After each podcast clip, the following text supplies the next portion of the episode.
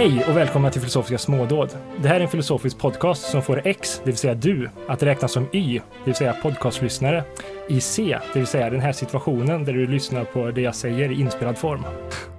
Jag heter Simon Skau och befinner mig i Göteborg. Jag heter Kristoffer Sundberg och befinner mig i Surte strax norr om Göteborg.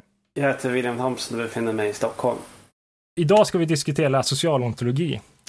Vi, vi har läst eh, John Searles bok Konstruktionen av den sociala verkligheten. Ehm, där han diskuterar eh, frågan hur skapas den sociala verkligheten? Hur relateras faktum att det finns pengar? Att det inte beror enbart på mig att det finns pengar och hur, hur förhåller det sig till eh, kvantfysik till exempel?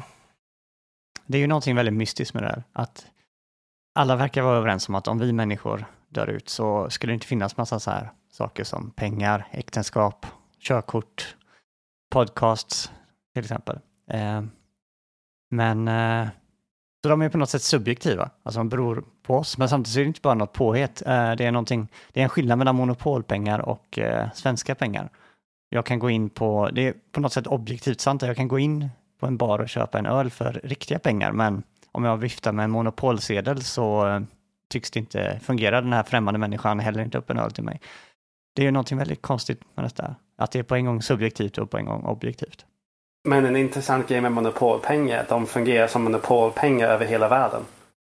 Äh, så- det är faktiskt sant. Just det, och det är också märkligt med monopolpengar så här att om vi, när vi sätter oss ner och ska spela, så märker vi att det saknas några sedlar, så är det okej för oss att måla upp, alltså förfalska dem, göra egna.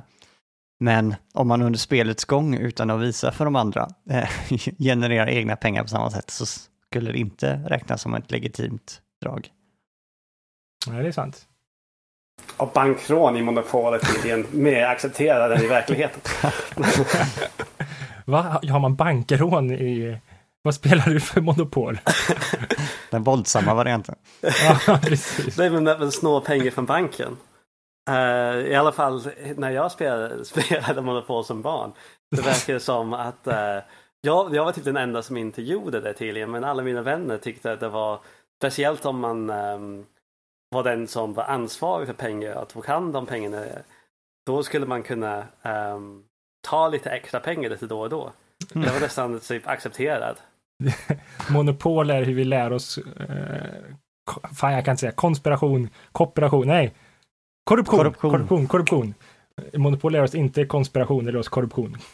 Men den, den är faktiskt gjord för att ehm, visa hur orättvis kapitalismen är. Mhm. Det är anledningen monopol finns. Det är inte bara så här, meningen bakom det har folk glömt bort. Ja, ja, det var egentligen Marx då som kom på Det är eh, sista monopol. delen i kapitalet som vi inte läste förra gången. Precis. Den kom ut, eh, sista volymen är ju bara en stor instruktionsbok. Ungefär, för det, det handlar om att det kommer leda till bara en person får vinner. och kapitalismen kommer inte funka. Men eh, det kanske vi borde prata om förra gången. Nu ska vi prata om söl. Så, vi har läst John Searles bok nu. Vad tycker ni? Har ni några tankar? Eh, ja, jag har ju läst den förut och jag har också läst hans eh, nya bok. Så eh, det här nyhetens behag som han har varit, speciellt med Marx, eh, den goda känslan infann sig inte den här gången.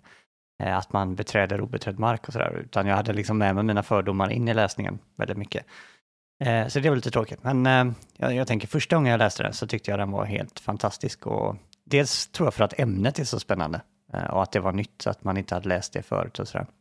Och sen så skriver Searle väldigt förföriskt på ett sätt. Han, det är alltid så med Searles böcker att när jag läser dem första gången och bara läser utan att ta anteckningar så är allting helt briljant. du håller med om allting han säger och allting verkar glasklart. Och det är först när man går tillbaka igen och läser väldigt långsamt med penna i hand som man märker att det finns frågetecken. Ja, för ni som har aldrig läst så, När man läser den så känns det som att man lyssnar på den extremt retorisk person på krogen prata om eh, hans insikter om världen. Och man vill bara säga ja, jag håller med, det låter bra. Eh, och det är ungefär eh, så man uppfattar söl när man läser det. Eller i alla fall för första gången. Eh, jag har också läst det här, det här boken, den här boken två gånger.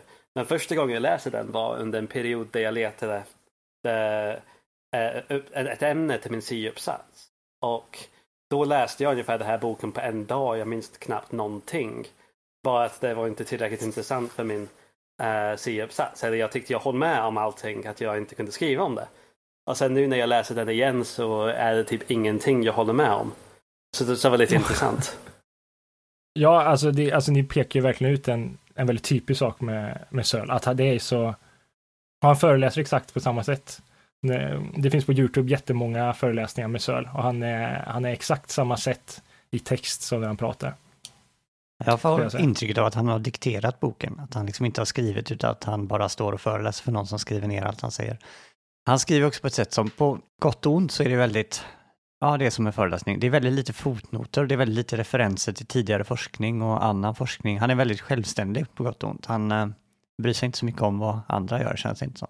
Och om ni någonsin tittar på en föreläsning på Söl och eller läser hans böcker så kan man spela Sölleken som är ta en drink varje gång han nämner dricka alkohol eller dricka öl i sina böcker.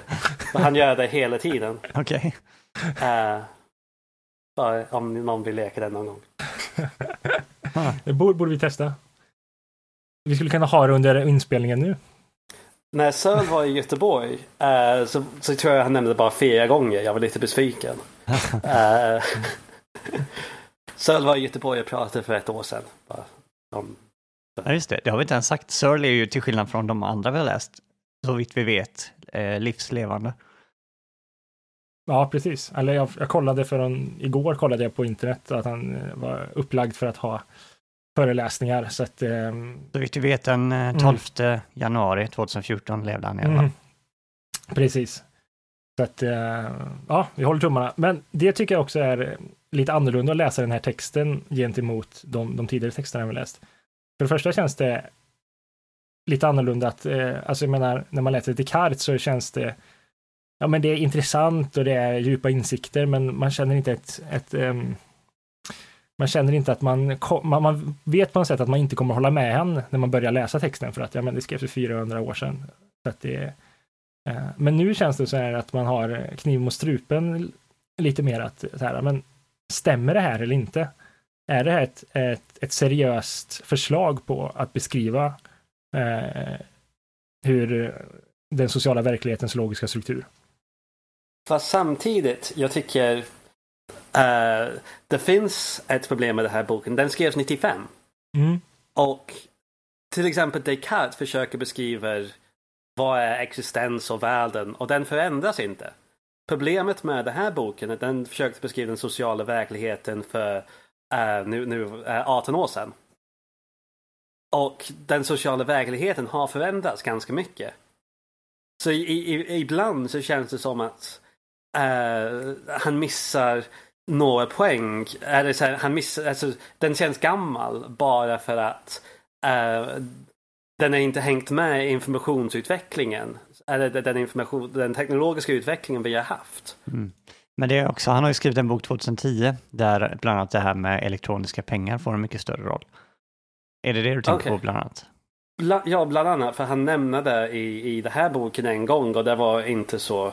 Um, jag var inte så nöjd med Nej, hans det är väl en av, Han är ju ganska dålig på att ta emot kritik tycker jag. Så han är väldigt duktig på att bara slå undan och säga att ah, men det här är nonsens. Det är såklart, det går jättelätt att lösa så här och så här. Men en av få grejer han har accepterat är väl just detta att eh, hans bok var bristfällig när det gäller elektroniska pengar.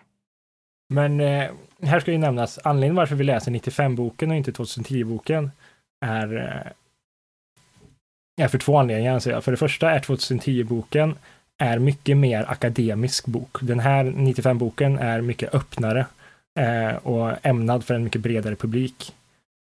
Eh, och för andra är det 95-boken som slog igenom något extremt inom den akademiska sfären. Den, är, eh, den läs av eh, sociologer, psykologer.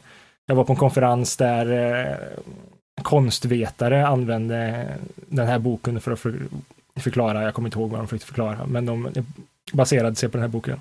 95-boken är ju den stora boken. Eh, sen så fick han ju mycket kritik och det har varit extremt mycket kring den här boken så han var ju tvungen att ge, ge för, svar på kritiken, men eh, den här boken är den stora så att säga. Men det kan man också säga att eh, för de som tror att 95-boken nu då är helt inaktuell så är det ju inte alls så, utan den här 2010-boken är egentligen samma teori, det är bara små liksom förändringar. Alltså det finns det här och han liksom lägger till små saker att så här finns det också och det finns den här varianten och det finns den här varianten. Så, men grundtanken är exakt densamma egentligen. Ja, för det här med kritiken med att han inte tänkt med på utveckling. Jag tycker att, jag menar, hans, hans poäng är att lägga fram den logiska strukturen för hur, so hur den sociala verkligheten kan fungera. Och jag menar, den strukturen ändras ju aldrig. Eh, Simon, bara en snabb där, för han mm. säger också väldigt mycket så här, den logiska strukturen och så där. Vad betyder det egentligen? Det kanske vi borde gå igenom så att eh, vi förstår det själva och så att andra förstår. Men, men, kan vi återkomma till det alldeles strax? Jag vill bara svara på det som, alltså försvara min kritik att det här inte är aktuellt. Eh, eller vad jag menade där. För, alltså med Descartes till exempel, den naturliga strukturen. Alltså hur existens funkar, det har inte ändrats heller. Men det kan ibland kännas, jag vet inte, lite urdaterad med Descartes förklaringen. På grund av hur man ser på naturen har ändrats och där, därigenom har förklaringen av naturen också ändrats. Och existens och så vidare. Och jag tänker det här att hur han ser på samhället, den synen har kanske ändrats lite också. Ja, han skrev ju den här boken eh, innan internet kom till exempel. Så det är... Precis, så även om han har skrivit en ny bok efter det så det är ändå ett sätt att se på samhället. Men Eh, jag tycker det är ett sätt som kanske eh, inte fångar upp vissa aspekter av samhället och en ganska så här, om man får säga klassisk eller äldre generationens sätt att se på samhället. Och därför känns det på något sätt inte lika typ aktuellt och modernt som kanske eh, om någon skulle skriva en ny bok idag.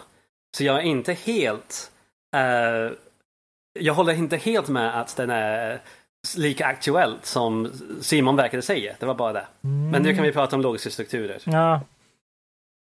Okej, okay, log logiska strukturer, det är alltså den, den um, form som man kan, alltså om man har en logisk struktur, eh, man kan, man kan säga den um, grammatik som man kan förklara alla olika typer av uh, fenomen med.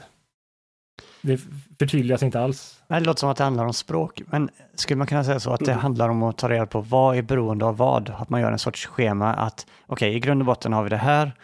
Det kan generera det här som är beroende av det första och det här andra kan i sin tur generera till en tredje som är beroende. Alltså man tar fram en sorts katalog över vad som finns och i vilka beroendeförhållanden de står ja, till precis. varandra. Men det är väl är typ syntax i språk. Mm. Att även om man inte är nödvändigtvis medveten om de olika verb och substantiv som man använder i en mening. Så, så är de besläktade varandra i, i en viss sorts logisk struktur.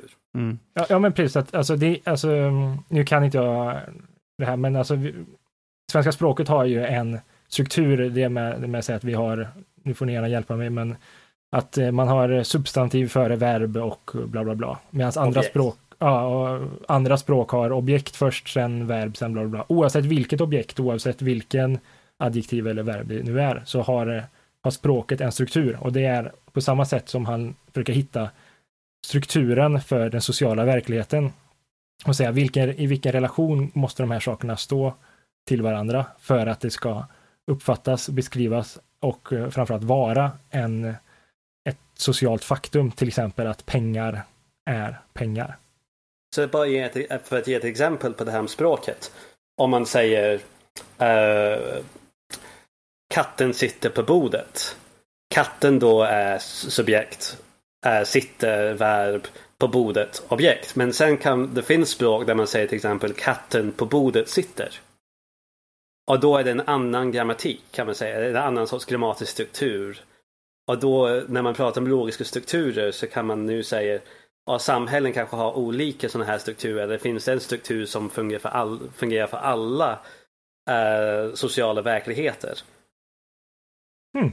Ja, och det är kanske därför också på ett sätt eh, eh, man kan hålla med om Williams kritik och på ett sätt inte. För på ett sätt, om man hittar den här logiska strukturen så spelar det egentligen ingen roll om samhället förändras. Alltså på det sättet att om nya stater uppstår och andra går under och så här, den sortens förändring är helt ointressant för att själva syntaxen, om man ska kalla det så, grammatiken kan ändå vara densamma oavsett vilka verb som finns, utan det viktiga är bara att det finns verb och det finns substantiv. Men däremot den andra kritiken som säger att det kommer upp helt nya sorters kategorier, till exempel internet och sådär, det är ju en form av kritik att det här finns nya saker att kategorisera som vi inte har gjort förut. Ja, det är som jag säger, det finns en hel ny oklass som typ superverb som vi inte märkt framför. Ja, just det, för att göra analogin mm. perfekt. Ja, men exakt. Och bara för att gå handlingen i förväg, den logiska strukturen han pratar mycket om är det som vi, som vi hade i introduktionen.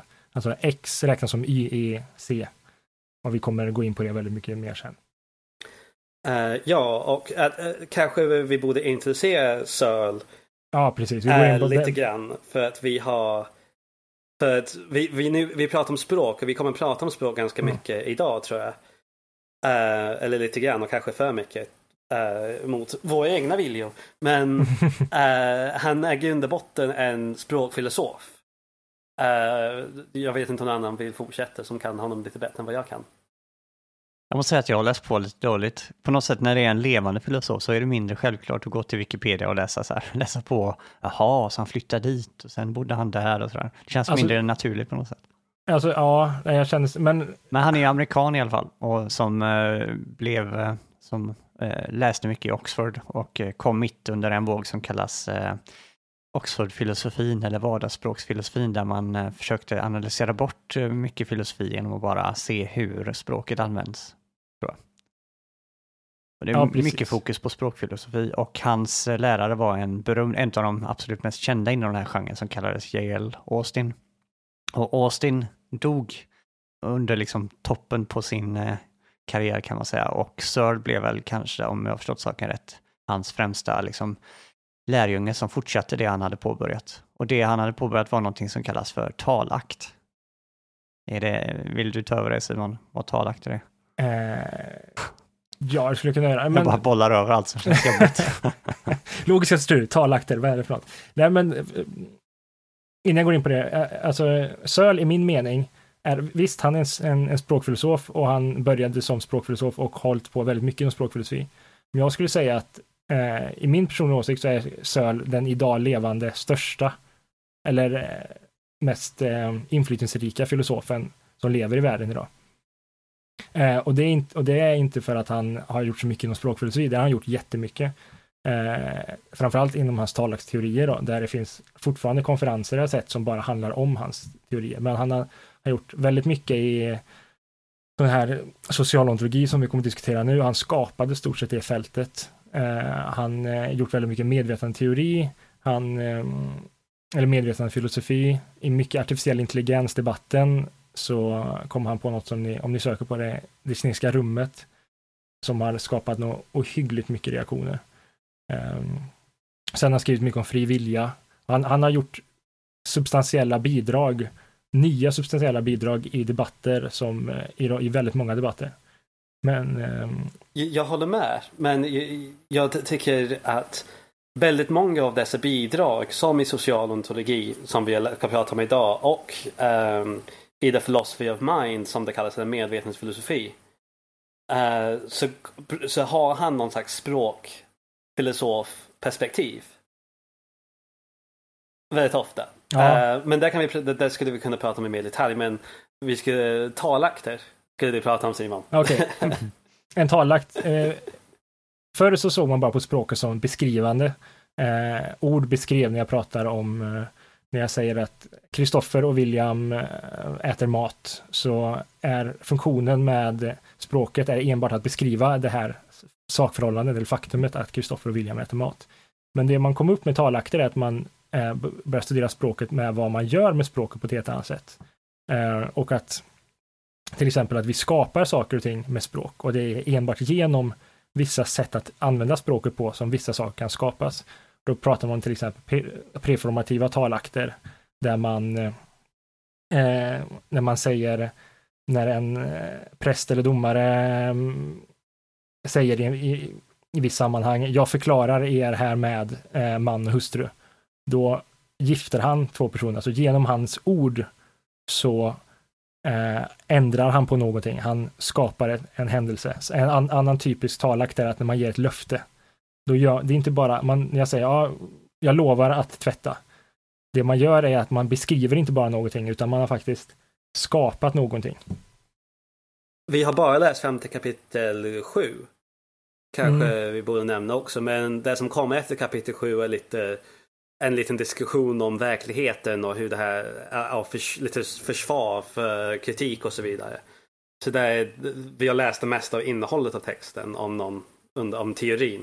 Ja, det han gör, det han beskriver i boken att, att, att boken egentligen uppdelad i två delar. Den ena är framläggningen av eh, hans teori om, om den sociala verkligheten, eh, eller beskrivning av den sociala verkligheten. Eh, och det andra är att han, var, han, han anser att det här ska vara kompatibelt med eh, den metafysiska teorin realism som vi pratade om i, i tidigare avsnitt och med en korrespondensteori om sanning. Eh, så då har han lagt in och, och försökt förklara det i en annan del, men så att säga som man beskriver så, så behöver man inte läsa det för att förstå hans teori. Det kanske kunde vara någonting om vi har tid att eh, ha i bakhuvudet när vi diskuterar James och hans pragmatiska sanningssyn. Exakt. Det är näs, nästa eh, inspelning så ska vi läsa William James pragmatism och det skulle vara väldigt bra om man läser eh, Searle först för att han, han lägger fram en korrespondensteori om sanning och en realism medan pragmatismen då är en reaktion på både en korrespondensteori och en, eh, eh, en realism så att säga. Okej, okay. jag sa att han skapade en ny nytt fält inom eh, ämnet att det som kallas socialontologi. Vad är det som är nytt i det här? Kan man säga att det här är något nytt? Eh, att diskutera, att beskriva den sociala verkligheten. Eh, den nytt. stora kontroversiella frågan är väl egentligen på ett sätt, är det, är det nytt inom alla vetenskapsfält? För jag tror att alla skulle vara överens om att det är nytt inom åtminstone ska vi kalla det, ja, det som kallas analytisk filosofi, alltså den sortens filosofi som bedrivs på institutioner i England, Amerika, Skandinavien, Polen, Österrike. Eh, där var det väl ingen som direkt har tagit tag i den här frågan. Men frågan är, har eh, socionomer och sociologer och allt vad de heter, har de sysslat med detta förut? Det är väl en kritik som åtminstone jag har hört Simon säga förut, att de ska ha sagt att det här är inget nytt alls, det Searle gör, det har vi jobbat med i hundratals år. Och även möjligtvis kontinentalfilosofi har jobbat med liknande saker. Eh, kanske inte på, på samma sätt, men behandlar samma ämne. Ja, alltså frågeställningarna tror jag har behandlats tidigare eh, inom andra områden. Eh, men frågan är om om eh, det Söl gör är att använda de verktygen som eh, utarbetades framförallt inom, inom den analytiska filosofin eh, och applicera dem på det här. Och det gjorde att det blir ett helt annat sätt att undersöka fenomenet. Eh, eh, jag kan säga till exempel, jag har en vän som är väldigt kontinentalfilosofisk. Och när jag berättar att jag läser Söl så brukar han alltid citera och säga, ja, jag läste en bokrecension av en sociolog om den här boken. Och han sa att Söl säger ingenting som vi sociologer inte har vetat i hundra år. Och då blir jag lite förvånad. För det första, jag menar, okej, okay, visst, i hundra år, för hundra år sedan så visste man att eh, pengar inte växte på träd och att eh, pengar inte är no har ingen eh, inte eh, eh, ontologiskt objektiva. Det finns de, att, att pengar är beroende på att människor räknar saker som pengar. Å andra sidan så fanns inte begreppet om talakter. Den eh, i, eh, diskussionen om konst, konstitutiva regler, den diskussionen om eh, kollektiv internationalitet som man pratar om. Alla de här verktygen som inte fanns när de stora sociologerna Weber och Durkheim och Simler eller vad de heter eh, skrev om det här. De, de hade inte de eh, tankeverktygen att hantera det på det här viset. Så att på något sätt så skulle jag säga att det här är väldigt nytt. Men... Eh, mm. Min erfarenhet är så här att folk ibland slänger ut sig att Nej, men allting är en social konstruktion och det där är också en social konstruktion. Och så här. Men de förklarar aldrig vad är en social konstruktion. De liksom tar för givet att det finns någonting som heter social konstruktion och vi har någon sorts vag, bara automatisk förståelse av vad det innebär. Eh, för mig i alla fall så var Searle den första som eh, satte sig ner och började skriva om, okej, okay, men vad betyder det egentligen att någonting är social konstruktion? Alltså, jag är inte helt säker om han är den första som har försökt typ nästan formalisera det. Jag, jag är ganska säker det finns folk innan 95 som har gjort det. Men det som är um, nytt är det som Simon säger. Men samtidigt så skulle man, om man var väldigt kritisk uh, mot Söl, så skulle man kunna säga hur mycket av dessa verktyg behövs i hans teori. Det mesta, ibland så känns det saker som talakter är någonting som ja men behöver egentligen de här. Alltså de, det känns ibland att de hakar på. Men det, det kan vi återkomma till. Uh, men, det, det, men för att svara på Simons fråga från början, så varför är det här nytt? För det finns någonting i det här som är uh, in, väldigt intressant. Uh, och man kan säga att filosofi i den, analytisk filosofi, speciellt efter andra världskriget, har sysslat sig med språk väldigt mycket. Har fokuserat nästan fram till ungefär 90-talet där hjärnan kom tillbaka lite mer populärt. Så, så, har det varit, eller medvetande, så har det varit framförallt språk. Och analysera saker från eh, språkperspektivet och språkfilosofi. Och jag minns jag läste, jag ska inte namedroppa, men en väldigt, eh, en av de största filosofer, eller den största filosof, tycker jag, men han, han dog för tio år sedan ungefär. Um, under, under det här, här 60, 70, 80-talet skrev i, när han, i sin samlade verk, eller så samlade uppsatser. Första uppsatsen handlar om varför språkfilosofi. För han säger, äh, äh, ja såklart, äh, det var så extremt sympatiskt. Han sa, om man vill ju läsa filosofi för man vill ha svar på allting. Man, vill ju, man vill ju förstå medvetande, samhället och så vidare. Men vi har förstått att det här inte går. Vi behöver veta vad vi pratar om först. Och när vi gör språkfilosofi tillräckligt länge, då kan vi börja prata om samhället igen. Och då mm. kan man säga att språkfilosofi har gått så långt nu att de kan börja använda språkfilosofi för att analysera samhället. Och det är det som är nytt med Sörs bok tycker jag. Mm. Vem var detta som skrev det? Ja, jag blir nyfiken. Det är Put Putnam. Putnam okay. Har han dött? Han dog 2001 tror jag, eller nej, hoppas jag inte sprida rykten nu. inte. Han var, i, han var i Stockholm 2011 på då ljuger jag. Ja. Han är... Eller jag vet, jag vet inte om han fortfarande är i liv, men han var... Nej, 2012. Ah, jag, tänk, jag tänker på Richard Rorty som dog um, 2001. Uh, förlåt. Nej, Wikipedia som aldrig ljuger säger ju att han lever. Okej, okay, så Putnam lever. Jag, det är inte meningen att sprida rykte om att Putnam har Men han har tagit pension i alla fall, så han är inte aktiv filosof längre som Sal. Om jag minns rätt. Han har gått i pension. Mm -hmm. Och ah. William menar då att man är så gott som död. Uh, ja, nej, illa, förlåt. Uh, men nu har vi cirkulerat kring det här tillräckligt, tycker det är bra. Uh, vi har slängt oss extremt många termer och begrepp. och det är just det den här boken är. Det är en kavalkad av distinktioner. Det är vilket kommer göra, vi kommer inte kunna vara uttömmande i att beskriva alla distinktioner. Men vi kan, vi kan ta upp några väldigt grundläggande det han gör som nytt helt enkelt eh, är ju som, som sagt att han försöker gå in och förklara till exempel vad gör, för frågeställningen är å ena sidan självklar, vi vet alla att pengar inte växer på träd. Eh, men det han gör i början tycker jag gör en väldigt snygg distinktion. Det han gör är eh, att pengar är ju ontologiskt, alltså ontologi handlar ju om eh, på, eh, på, sätt, på vilket sätt saker är.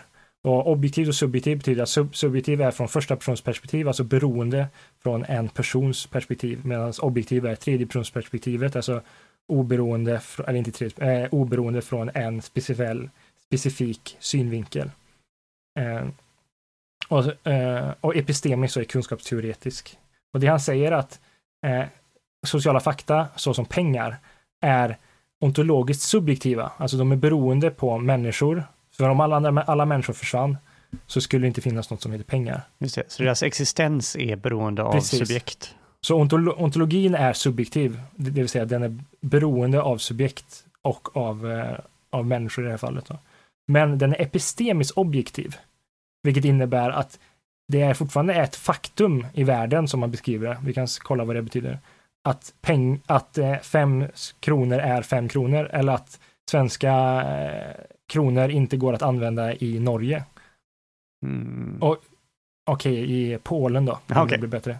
Eh, och vad är det som gör det? Om, om det visar sig så att det är eh, eh, ontologiskt subjektivt, att eh, existensen för pengar är ontologiskt subjektivt, skulle inte det vara så att, men om bara jag vill och när jag åker till Polen att han som handlar också bara vill att det ska fungera. Varför är det så att det fortfarande inte räknas som pengar där? Och det är det han försöker förstå. Och det är, eh, visst man kan säga som som Kristoffer sa, om det är en social konstruktion. Ja, ja, men du, vad betyder det? Vad, han, vad innebär? Hur blir en social konstruktion? Hur håller den här, den här sociala konstruktionen det fasta grepp som man faktiskt har? Alltså Sofia-begrepp som vi, vi kanske kommer tillbaka till dem var ontologi, epistemologi, subjektiv objektiv. Mm. Det är de fyra. Jag tycker det är en väldigt bra diskussion, för jag tror att det är någonting som många blandar ihop just där. De tänker subjektivt så är det automatiskt tycke och smak bara. Ja, men det där är ju bara liksom tycke och smak, att det här är pengar och så här. Och då tror jag det är väldigt lätt att blanda ihop detta, att visst, dess existens är beroende av medvetna varelser. Men det betyder inte att det bara är tycke och smak. Och då blandar man ihop det här kunskapsmässiga subjektiviteten med existenssubjektiviteten, så att säga. Så jag tycker det är en fantastiskt bra distinktion att göra. Eh, och till det här så finns det faktiskt en, en grej jag skulle gärna vilja göra ett utstickare. Här handlar har en diskussion om funktioner. När jag lämnade filosofin och började läsa ne neurologi och psykologi, så var det här någonting som eh, det här och eh, eh användning av funktionsbegreppet och användning av nödvändighet är någonting som jag har irriterat mig jättemycket på. Men just att eh, Husserl påpekar i början av boken att funktioner är agentrelativa, att en funktion är alltid ontologiskt subjektiv. Man tar exemplet med eh, att hjärtat pumpar blod. Han säger att det finns ett, orsak, eh, ett orsaksförhållande på det sättet att hjärtat pumpar, får blodet att cirkulera i kroppen. Eh, och det är en intrinsikal egenskap hos hjärtat. Däremot att hjärtats funktion är att pumpa blod. Det är agentrelativt på grund av att det kräver ett telos i sin förklaring. Vi har, en, vi har ett orsakssamband, men när vi där sen har ett telos, eh, eller en teologi, där vi anser att liv är viktigt, då ett helt slutmål helt enkelt. Ett Telos. slutmål. Alltså någonting det Ett- riktas mot ett... Ja, högst, högsta värdet som vi värderar här utifrån. Ja, men precis, som det riktas mot, ja. Eh, då värderar vi det här orsakssambandet som dess funktion. Men på grund av att vi kan ha olika eh, teologier, så, alltså på, han säger, på grund av att vi värderar liv som det högsta, så anser vi att hjärtats funktion är att pumpa blod. Men vi skulle kunna ha en, och, och när vi väl har en sån eh, teologi, så får vi också omdömen. Vi kan prata om bra och dåliga hjärtan och liknande. Men om vi hade ett helt annat värde, så, och hans exempel är att om det högsta värdet Eh, var att eh, hylla den stora guden med eh, dunkande ljud, då skulle eh, hjärtats funktion vara att göra dunkande ljud. Och det här tycker jag är en väldigt, väldigt svår men också extremt viktig poäng. För när man pratar om en funktion, när man beskriver framförallt om man pratar om ja, den här Broccas area eh, område i hjärnan, dess funktion är att etc. etc. etc. Det är alltid relativt till eh, Eh, ett visst, eh, en viss teologi, alltså en viss beskrivningsmodell där man har bra och dåliga eh, bra och dåliga utfall från hjärnaktiviteter. Men det här tror jag eh, är väldigt viktigt för att se på hur den sociala verkligheten fungerar, för det har också med att vi har ett eh, näv, för han, han går in på att eh, vi, en väldigt viktig byggsten i hans, i hans beskrivning av den sociala verkligheten är hur vi tillskriver saker olika statusfunktioner. Och därmed är det här väldigt viktigt att ha med sig. Eh, han pratar, vi har pratat om intentionalitet tidigare, att vi har en akt-objekt-relation, alltså när jag ser så ser jag på någonting. Och det är eh, avgörande för att jag ska kunna lägga den här funktionen. Jag ser, jag ser en sten, men sen så kan jag uppleva det, så jag, men i en, i en viss situation så är jag riktad mot den här stenen på det sättet jag ser det som en hammare till exempel. Eh, men det han kommer in med nu och diskuterar är bland annat vad han snackar om kollektiv intentionalitet. Eh, och det är när en grupp ser på något på ett speciellt sätt. Att Istället grupp- för att jag tror att det regnar så är det vi tror att det regnar. vi tror att, precis. Uh, och han har en väldigt spe speciell teori om kollektiv internationalitet här, där han menar att uh, internationalitet är, uh, hur beskriver han det, att varje individ har ett vi, Att det har bara en annan grammatisk form som man beskriver det. Men poängen i alla fall är att vi ser vattnet som kommer från himlen som att det regnar. Och på grund av att vi kan då ha kollektiv intentionalitet, grupper kan ha en kollektiv internationalitet, så kan grupper tillskriva funktioner på vissa objekt.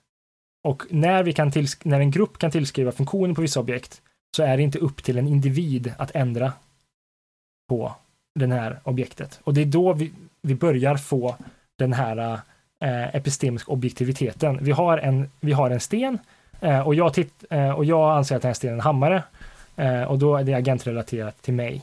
Ehm, men om eh, vi här i, den här, eh, eller i, i det här samhället ser den här hammaren som en, eh, en, en, en kudde så har det helt plötsligt fått en, en status som ett socialt objekt som att vara en kudde.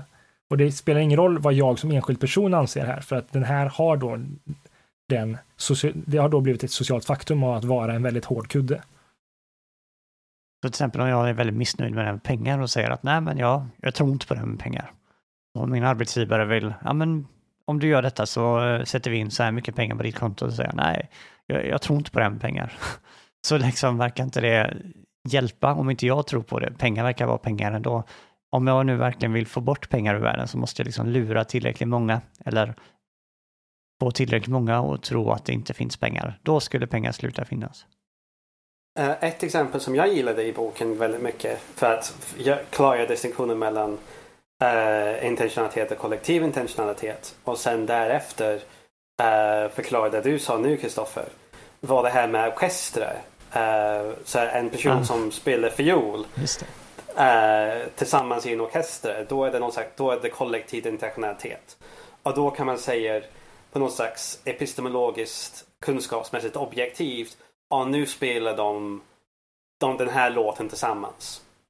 Och om man var ute i korridoren och hörde två personer i den här orkestern spelar över själv i två olika rum.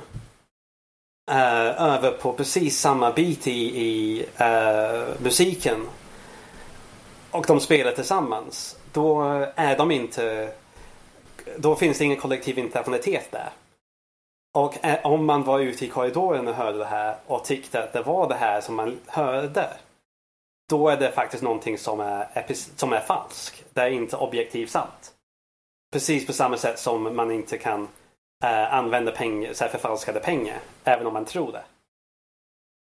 Ja, precis.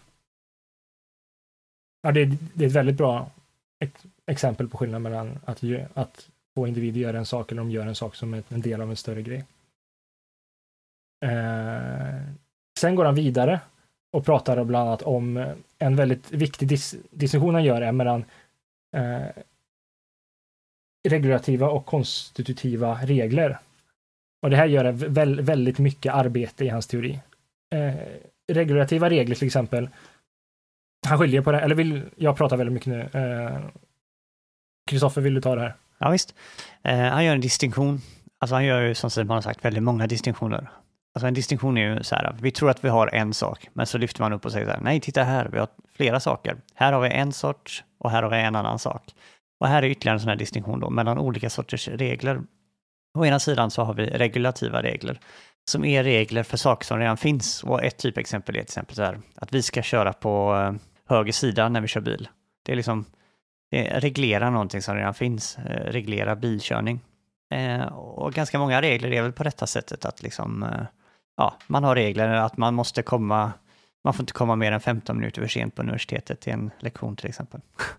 Eh, men sen finns det de här konstitutiva reglerna som eh, är väldigt speciella. De skapar det de ska reglera. Eh, och hans favoritexempel är väl schack. Att reglerna för schack, det är inte så att de... Det finns schack från början och sen så hittar vi på regler, utan reglerna i sig skapar spelet schack. Alltså vi kan inte spela schack utan regler.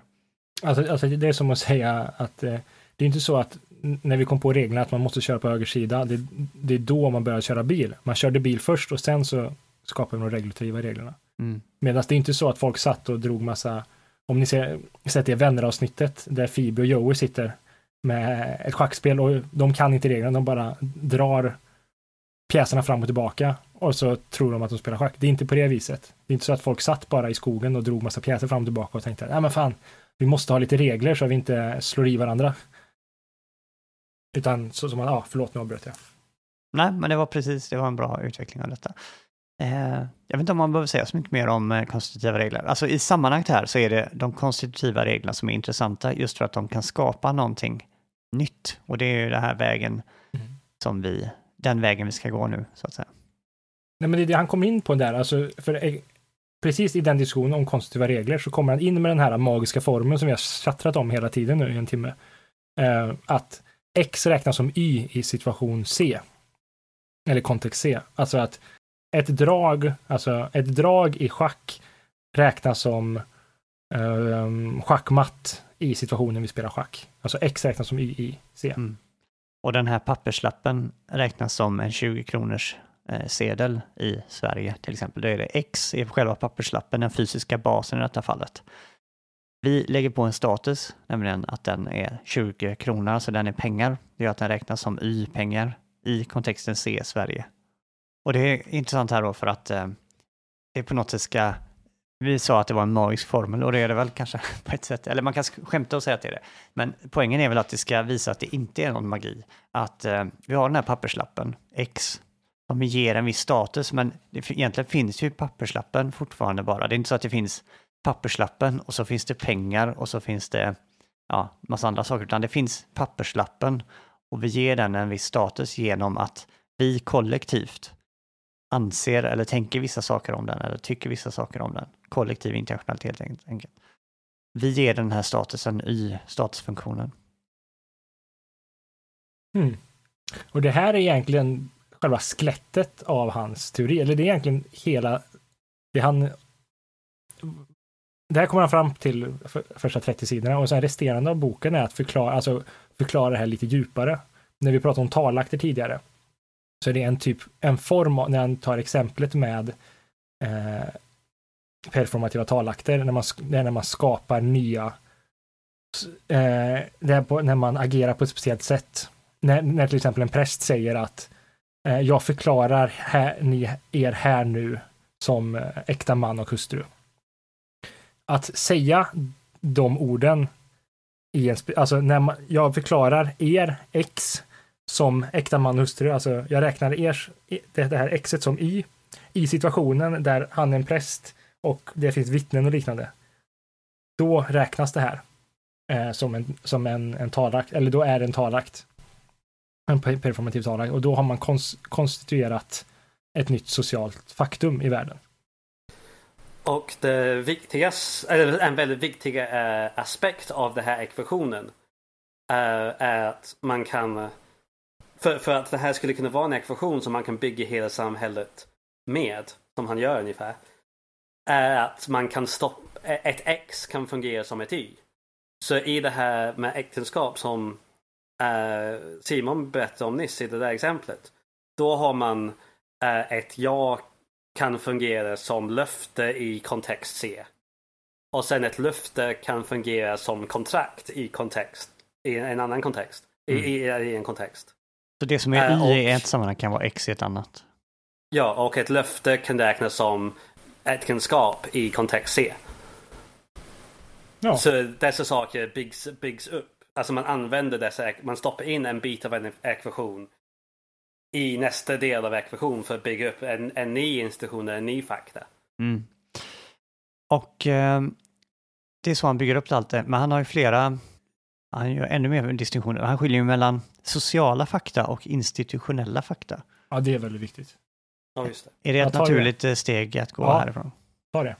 Ja, ehm, jag tycker det är ganska luddigt, så jag vet inte om jag ska ta det. Ehm, men eh, jag tycker det är, det här, nu närmar vi oss eh, där jag tycker Searle är lite vag, men eh, han vill skilja på, alltså ibland gör vi sådana här sociala saker, vi gör saker ihop, men det är inte en institutionell sak, det är inte ett institutionellt fakta.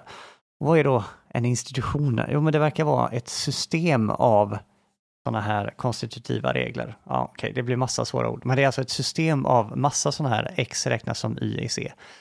Som William var inne på så, eh, så det som kan vara X i, eller y, i en första kan agera x i en annan så att man kan liksom bygga upp en hel hierarki av sådana här fakta. Att först räknas jag som någonting och sen räknas eh, det som ytterligare något. Så att vi kan gå från väldigt basala sociala fakta till väldigt så här, sofistikerade universitet och sånt där. Och, och så, bara så, äh, lägga till en snabb grej där. Y och X kan också fungera som C. Så, så till exempel om, om jag fungerar som domare på jobbet eller någonting. Är det så här, nej, vänta nu. Om, någon, om någon byggnad räknas som domstol. Då kan domstolen också vara en plats där jag räknas som domare.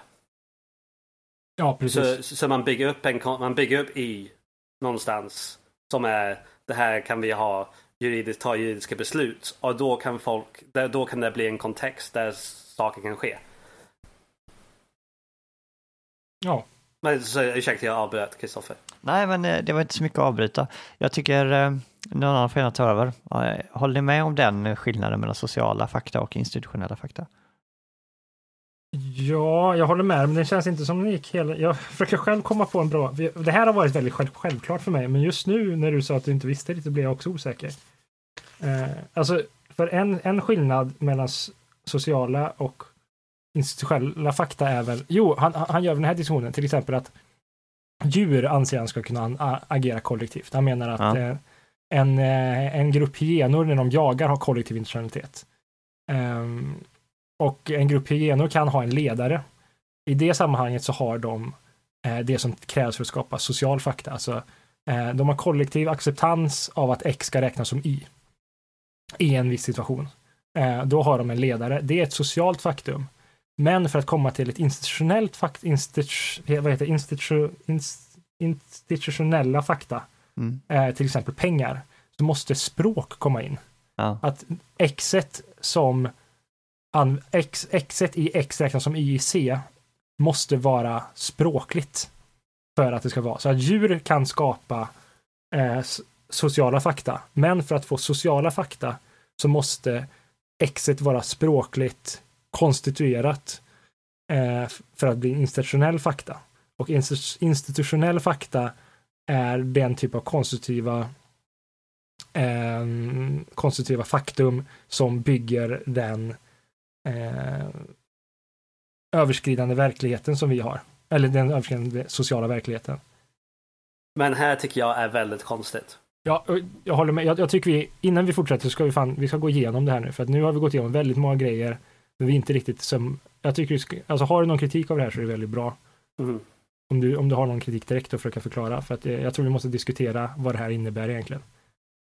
Var gränserna okay. går. Jag har flera saker, men... Ja, kör vem som helst. Ja, du Kristoffer. Okej, okay, jag kan börja med eh, det som kanske jag tycker är lättast. Eh, en kritik, och den är inte min egen, det är tråkigt, men eh, en kritik som även Söl har accepterat, att det är ganska luddigt här när han pratar och det kommer från en amerikansk filosof som heter Amy Thomason som skrev en artikel som heter Foundations for a Social Ontology och sen en annan som heter Social Entities.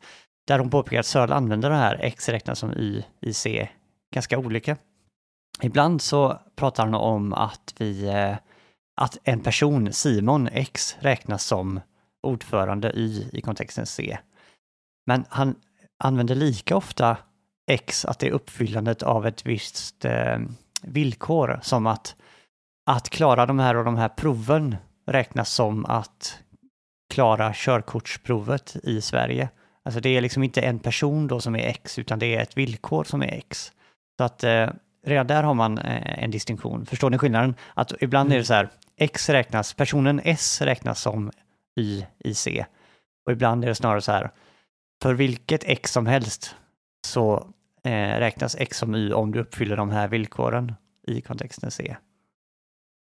Alltså ibland är det liksom en lagmässig regel och ibland är det en status som ges till en, ett objekt. Mm. Det är ju en ganska stor skillnad egentligen. För jag menar, i det ena fallet så är det självklart vad som är den materiella basen, nämligen Simon. Simon räknas som YIC. I det andra är det mycket mer abstrakt. Att det här villkoret räknas som att man uppfyller YIC. Men skulle det inte vara möjligt att man kan rädda det genom att säga att vara Simon äh, innebär vissa villkor som man måste uppfylla? Antingen gör man på det sättet eller så lägger man in mer vikt i C1, alltså i kontexten. Men eh, jag skulle nog, eh, skulle nog köpa Williams där faktiskt. Searle själv accepterar ju ganska mycket den här kritiken och i eh, den här 2010-boken så har han ju åtminstone tre olika varianter, men det behöver vi inte gå in på. Men eh, ja, eh, han verkar se ett problem här. Och det finns en tredje form också som är på ett sätt ännu knepigare. Det är när vi, det här eh, formen, den magiska trollformen, inte tillskriver y till någonting som redan finns. Alltså det är ganska enkelt om man tänker så här, vi har x och så ger vi x-funktionen y i, i kontexten c. Men ibland så skapar vi, skapar y xet. Eh, Har du exempel på det? Ja, det exemplet, jag har det inte framför mig nu, men det Searle själv eh, tar när han eh, accepterar detta är att eh, när man skapar ett företag till exempel, så det finns inget företag innan, det finns inget X innan, men om vissa individer under exakt rätt förhållanden skriver in det här i en bok och de gör det här och det här, uppfyller vissa villkor, då skapas ett företag. Så det här y har liksom ingen självklar materiell bas. Fast har inte det. Det här är, jag menar, vet du, jag skapade ett företag eh, bara för några dagar sedan. Eh, och jag menar, den akten räknas som att jag, alltså man skulle kunna beskriva det som att att eh, akten av att fylla i de här papperna räknas som att har skap... Eh, ja, just det, det blir, det Ja. blir samma problem. Men eh, jo, men alltså samma sätt som att eh, i ett schackdrag till exempel, att jag drar, eh, att jag eh, sätter kungen i en viss position räknas som schackmatt. Skulle man inte kunna beskriva det i samma termer? Att, ehm, att, schack, att eh, skapa, men jo, problemet blir att företag räknar vi som ett objekt, men Mm. schackmatt är inte ett objekt. Nej. Precis. Och ett annat exempel som kommer från en, jag tror holländsk så, eller ja, skitsamma vad han är, ja, Hindrix heter han i efternamn i alla fall. Eh, han Tack för påpekar- att du namedroppar den, så jag måste ta reda på vem man är. Ja, okej. Eh, Hindrix, ja. Eh, Rätt finurligt. Eh, Han påpekar det här med lokalitetsproblemet, tror jag han kallar det. Eh, Det är ganska, när det, när det är materiella objekt, så här, om x räknas som y, så är det ganska enkelt att säga vart y finns. Jo, det finns ju där den här papperslappen finns. Men ta till exempel Greenpeace, eller eh, Läkare utan gränser, kan vi ta. Vart finns de? Finns de där dess medlemmar finns eller finns de där dess officiella adress finns? Och ett naturligt svar är ju att säga att ja, men det är ju den materiella basen, medlemmarna. Så Greenpeace finns där medlemmarna finns. Men om en eh, medlem åker på semester i eh, Kina till exempel och är där liksom privat på semester så är det fel att säga att Greenpeace har en närvaro i Kina eller att Greenpeace finns i Kina. Det verkar vara en distinktion här, så det verkar inte vara helt självklart var, var de här mer abstrakta sakerna finns någonstans. Ja, för att ge ett svar på det där så skulle jag beskriva, för att Greenpeace ska finnas i Kina, så jag håller med att Greenpeace, ah, jag skulle inte säga att Greenpeace finns på grund av, av, eh, av eh, där medlemmarna finns, men eh, om man hittar, men Greenpeace finns där eh, objekt skapade av Greenpeace. Nej, det blir inte, men jag tänker om Greenpeace bestäm, gör ett, bes, eh, kon, Greenpeace finns i Alltså man skulle kunna sätta alla medlemmar i Greenpeace och sätta dem i Kina utan att Greenpeace skulle befinna sig i Kina. Mm. Men när de genom en performativ akt oftast då, eller en, en typ av talakt där man säger att nu eh, skapar vi en, em, bas här. Då, det är först då de finns där. Så att, Ja. eh, Eller när så, de gör en aktion på ett ja, eller sätt. en aktion, ja, Så Ja, men så, så, så är det inte vad, eh, vad kontext C här blir väldigt relevant. Så om jag som medlem i Greenpeace, jag vet, jag är medlem i Greenpeace. Eh, så om jag åker till Kina. Jag vet inte om Greenpeace finns i Kina. Finns de ens i Kina? Det kanske låter jättekonstigt att helt orelevant känns det Okej, men vi säger Greenpeace finns inte i, Sverige, i, i Kina. Och så åker jag till Kina. Då är, har Greenpeace inte, Greenpeace inte aktiv i Kina. Men om jag som om jag är aktivist i Greenpeace och tar på mina Greenpeace t-shirtar och åker till eh, Kina. Då är, då är det en annan kontext. För då fungerar jag som en annan. Då är William som Greenpeace-aktivist i Kina. Mm. Mm. Jag tror det är åt det hållet man ska gå eh, på något sätt och att det handlar om ja, maktinflytande och sådär. Men vi kommer in på en annan sak som jag gärna ville diskutera som jag alltid haft jättesvårt med, med Searle, som jag och Simon har haft debatter om eh, för något år sedan. Och sådär. Eh, det är, jag, jag tror mig veta vad X är och sådär, och vad Y är. Jag tror jag förstår hur han tänker sig det på ett ungefär. Men vad är C? Okej, det är kontext, men vad betyder det mer exakt? En begränsning. Men kan vad som helst Begränsning vara med, C? som, har villkor bestäm, som är villkorsbestämda. Har jag missat någonting? Jag har liksom läst bägge hans böcker. Var berättar han vad C är? Han, han är inte så bra definierad än. Alltså jag, för jag har alltid tyckt att kontext är det, det, det underbara eh, biten i boken. Men han pratar väldigt lite om det. Ehm, Och i den senare men- boken så slopar han det då och då. Och då vet man inte, är det bara så här slarv eller han förkortar bara och orkar inte skriva ut allting? Eller menar han att det inte alltid är nödvändigt? Jag tror det måste vara nödvändigt. Ja. Till exempel en domare är inte alltid en domare. Han är bara en domare när eh, domaren jobbar. Ja, Så- när vissa sen- villkor är, är uppfyllda. Så, så, så jag skulle alltid säga att det, det, det handlar om att begränsa saker. Till exempel jag som Greenpeace medlem är, det- är inte alltid, alltid räknas som Greenpeace medlem. Jag kan bara anses som Greenpeace medlem när jag agerar som Greenpeace medlem. Så jag kommer inte... Eller till, eller till exempel om man, om man tar en soldat till exempel, en person som jobbar som soldat. Och sen på semester åker till Kina, så en amerikansk soldat åker till Kina, det är inte en invasion. Han fungerar inte som soldat då. Så, så man behöver begränsa de här X och Y till, till vissa temporala och rumsliga situationer. Men Mm. vad är kontext nu då? Eh, Om vi ska sammanfatta det. Det är villkor, alltså det är eh, en, ett begränsat vill, eh, uppsättning villkor. Till temporal och rumsliga Mm. situationer. Och det gäller alla statusfunktioner, alla tillskrivningar av funktioner. Ja, varför inte?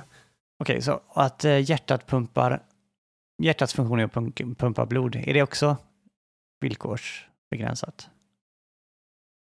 Ja. Eh, de blir så jävla vaga de villkoren bara. Om du, tar, ut- om du tar ut mitt hjärta och lägger i en artificiell hjärta, det är fortfarande mitt hjärta. Men det har inte, det- den är i en annan kontext. Och, och, så, så, så det, mitt, hjärt, mitt, mitt biologiska hjärta hamnar på museum i eh, någonstans, Naturhistoriska museum. Eh, då är det en annan kontext och då har funktionen att pumpa blod försvunnit. Ja, fast det är, ja, Fast är inte detta i så fall att göra hjärtpumpsfunktionen till ett institutionellt fakta? Om det också är, följer formen X räknas som Y i C. Mm, ja, det skulle det göra, men jag tror inte det skulle vara något problem. Oj, fan. Eh, Men det, det är väl inget problem att det blir ett institutionellt fakta? Mitt hjärta är en institution. Nej. Nej, men alltså om, om, om man går på hans teori, alltså man kan se det först som eh, en, ett socialt fakta. Nej, jo, men nej, det blir ett, ett socialt fakta blir det. För eh, det är, det är subjektivt, det är ontologiskt subjektivt, eftersom det är agentrelativt. Eh, och, men på grund av det här teloset, den här teologin vi har, Men det finns inte kollektiv internationalitet. Jag tror det är det som eh, skulle saknas för att göra den till, till institutionell objekt, eh, fakta. När han pratar om sin ekvation någonstans. Han säger, han, han gör två olika försök att definiera sin, def, sin ehm, eh, eh, um, uh, logiska ekvation. Och uh, den sista, alltså han säger antingen så kan det vara S uh, is enabled to perform act A. Och sen när han försöker skriva om det så står det We make it the case by collective ac- acceptance that S is enabled. Mm. Eh, så, så, det, så, så för mitt hjärta att vara, att, att vara en institutionell, institutionell fakta så behövs kollektiv internationalitet. Och jag vet inte om den finns. fast teloset är ju, teologin är ju gemensam. Jag bara försöker ringa in hur snävt det här uh, institutionella fakta är, om allting uh, är institutionella fakta som vi människor kan vara överens om eller inte. Um, jag, vill bara säga en sista, för att det skulle vara institutionalt faktum så skulle exet vara språkberoende. Men, det är, men teloset behöver inte vara språkberoende, däremot så det behöver inte vara... Exet eller yet? Exet. För att något ska vara en social fakta. Nej, för, för att det ska vara en social fakta, alltså institutionell fakta är en undergrupp av social fakta. Men för att det ska vara en social fakta så måste ett x räknas som y i, eh, eller en grupp måste kollektivt acceptera x som y i en viss kontext. Men för att det ska bli institutionell fakta så måste xet vara eh, språkligt. Mm. Är det inte så? Säger Nej, han inte det? För pengar, i pengafallet är ju inte exet språkligt, det är ju en pengasedel. Men det, det blir språkligt i, i, på grund av att den är, man måste gå djupare i den förklaringen. Pengar kommer först ifrån att vi har köpa och sälja. Eh, och, och, och köpa och sälja kan bara dyka upp i ett sammanhang av språk. Han tar ju upp det här som exempel någonstans. Menar du verkligen inte y? Att y är språkligt i så fall? För x är väl den materiella basen? Mm, ja, jag minns det som x, men det kanske är y. Men om man tar pengar till exempel, så den här papperslappen, då kan vi säga att den här fysiska grejen räknas som. Jo, i och för sig, den här papperslappen, ja, där har man ju det är ju x det fysiska, men det skulle jag ju snarare säga som en, men, eh, ja men yt är ju, yt finns bara på grund av att vi har massa andra eh, språkliga sammanhang som inryms i, men okej, okay, men då kanske att språk, de språkliga sammanhangen inryms i C då kanske? Alltså jag tycker bara Eh, språk behövs någonstans i ekvationen. Så till exempel, man skulle kunna köpa eh, använda pengar utan någon talakt alls. Man skulle kunna bara ge pengarna till eh, eh en, eh, en, kast, en, person som jobbar bakom kassan och sen gå därifrån utan att prata. Men någonstans i den här ekvationen som byggs upp av fler ekvationer som har stoppats in i den. Någonstans finns språk. Och längst ner förmodligen kommer finnas språk. Att någon, någonting, att det här blir en överenskommelse Uh, och jag vet inte om det behövs vara X, E eller, eller, eller C. Det behövs bara någonstans. Förstår, är hur jag förstod det. Så det, det behöver inte vara specifikt på X, E men någon, det måste finnas någonstans i det. Ja, det kan jag köpa. Uh, jag bara tänker här, jag försöker fortfarande ringa in detta. Jag tänker på, nu är jag på sida 27 i den engelska boken om det nu spelar någon roll, men han säger så här. Institutionella fakta, de kräver speciella mänskliga institutioner för att finnas. Okej, okay. Så då har vi så här, okej, okay, för att veta vad institutionella fakta är så måste vi veta vad institutioner är. Så då, följer, då frågar han sig så här, okej, okay, och vad är då institutioner? För att kunna svara på detta så måste vi göra en distinktion mellan regulativa och konstitutiva regler. Och då kommer han fram till konstitutiva regler som är x räknas som y i kontexten C. Eh, och eh, institutionella fakta existerar enbart inom system av konstitutiva regler, säger han sen direkt därefter. En sak som jag aldrig har förstått är, okej, okay, eh, hur uppstår de första institutionella fakta? För att institutionella fakta kräver institutioner. Institutioner är system av x counts as y in c, alltså x räknas som y i kontext c. Men hur börjar hela det här? Eh, ja, hur börjar det? Jag frågade honom det i Göteborg om ni kommer ihåg, men han, jag fattade aldrig mm. hans svar. Jag, jag trodde det var mest att det, när en social fakta blev nästan utpekad med språk. Eller etablerad med språk. Då blir det en institutionell, fakta. Ja, fast en institutionell fakta kräver förekomsten av institutioner, säger han. Och en institution är ett system av, konstitu eh, av konstitutiva regler. Jo, men när man har språk då kan man skapa många institutioner samtidigt. Men, men problemet är att språket är en, instu en institutionellt eh, faktum. Fakta. Jo, men det, det, så det är ju problemet med Searles. Alltså det, att språk är så nödvändigt, det blir ju problematiskt. Till hans försvar så jag har för mig att han säger någonting i eh, den nya boken om hur språket på något sätt är undantaget som bekräftar regeln på något sätt. Det liksom på något sätt kan ur biologin uppstå och därmed uppstår liksom hela paketet med en gång med institutionella ja, att det är på något sätt ett specialfall det här språket. Och sen när vi väl har språket på plats så kan vi bygga upp resten av eh, eh hela hans teori. Okej, okay, nej men nu pratar om språket. Ah, nej, eh, men förstår du fortfarande kontext nu? Är du nöjd med vår definition av kontext? Eh, jag är bara rädd att det är så brett, eller det kanske ska vara så brett, men när jag läste den första gången så trodde jag att det var en insnävning, en precisering att okej, okay, eh, det här C det, det gäller bara för vissa speciella fall. Medan om man låter kontext bara vara allmän begränsning så låter det som att allting egentligen, det här C är med jämt. Ja, det tror jag också att det är. Ja, tror... Och det känns lite som att då kan man nästan skippa det. Och eh, nu när jag tittar faktiskt på eh, sida 28 här, så säger han så här, att reglerna kommer i system och de har den följande form, x counts as y. Och så skriver han or x counts as y in context C. Så man kanske inte ska lägga så stort fokus på C. Han kanske mer... Nej, men jag tycker C är så extremt viktigt, precis som domare kan... Alltså om jag är en domare så kan jag inte bara säga du är skyldig ute på gatan. Jag kan bara säga du är skyldig när jag jobbar. Mm. Mm. Så då är kontext C väldigt viktigt. På samma sätt som eh, USAs president, som man pratar ganska mycket. Han är bara USAs president under en viss temporal tid. En temporal kontext. För Bill Clinton kan inte bara dyka upp och bo i, i, i the White House. Nej. Hur långt sträcker sig C? Ja, det måste ju ha att göra med eh, hur accepterat, alltså länder som inte erkänner USA som en eh, statsmakt.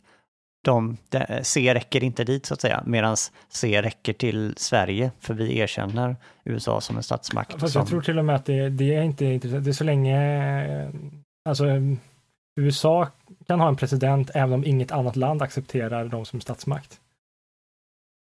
Ja, för men är han president är... där då? Alltså... Ja, han, han är president för amerikanska folket för dessa människor som har den kollektiva internationaliteten för att skapa den institutionella faktan. Ja. Låt säga att Norge inte erkänner USA som land. Räcker C till Norge? Nej, alltså... Nej. Det är, inte en, inte, inte en fakta för dem. Nej, och det räcker inte till Sverige även om vi accepterar det också. Okej, okay. ja, för jag alltså, skulle ta alltså, det som att alltså det räcker faktumet till Sverige. snarare skulle, jag, jag skulle beskriva det snarare som att, um, att um, Obama är president för USA nu är givet kontexten att de, det amerikanska folket accepterar Obama som president. Men har inte vi en kollektiv internationalitet att också representera Obama ja, som nej, USAs det, president? Det är, det är oavsett om något annat land accepterar honom som president eller inte. Jo, jo, jag håller med om att han i USA skulle vara president oavsett om andra länder. Men jag frågade om C nu de facto idag sträcker sig till Sverige. Och jag är benägen att tro att det gör det. Eftersom vi faktiskt erkänner honom som USAs president. Det är intressant för, för det kanske blir som um, för det finns så lite fall när, uh, när, då, när människor har fuskat under val att det har lett till någon sorts invasion. Du kan inte tänka på något exempel direkt men när man, eller i alla fall leder till någon slags krig och så hjälp, uh, inbördeskrig och hjälp från utomstående fakt, uh, mm. makt som erkänner den andra personen som förlorade Just som det. vinnaren i ett val. Mm. Och det blir, inte, det, det blir sån här komplexa dynamik som ja. inte fångas in med den här ekvationen. Ja, men det är två C som krigar då kan man säga. Bägge ja. två försöker lyfta fram sin C som mm. den korrekta kontexten. Jag tänker på Marx här när vi läste, det var en fotnot i Kapitalet, vi läste, så sa han någonting i stil med att, vad var det nu, att den är kung, att en person är kung så länge man anser att den är kung, eller vad var det han sa? Mm. Det känns som att det var han ena föregick Searle lite grann. Ja, det är därför Searle var, hade äh, en paragraf där han bara för, säger Marx hade fel. För ingen anledning. Just det, jag markerar det. Mm. Um, och det var, jätte, det var väldigt dålig kritik tyckte jag. Eller så här, onödig och dålig. Men um, uh, okej, okay, jag ska inte prata om det. Nej, men vi kan gå in på det lite senare när vi pratar. Eh, jag har en annan kritik eh, som jag jättegärna vill ta upp. Är det okej okay om jag tar ja, just det. Okej, okay, nu, ja, förlåt, jag fastnade i Marx sådär. Ja, jag tyckte nog att kritiken var lite bättre, men okej, okay, vi kommer tillbaka till det. Ja, men, alltså, jag har en kritik. Han, i, i svenska boken, eh, 69, eller i kapitlet eh, användandet av preformativa yttranden i skapandet av institutionell fakta.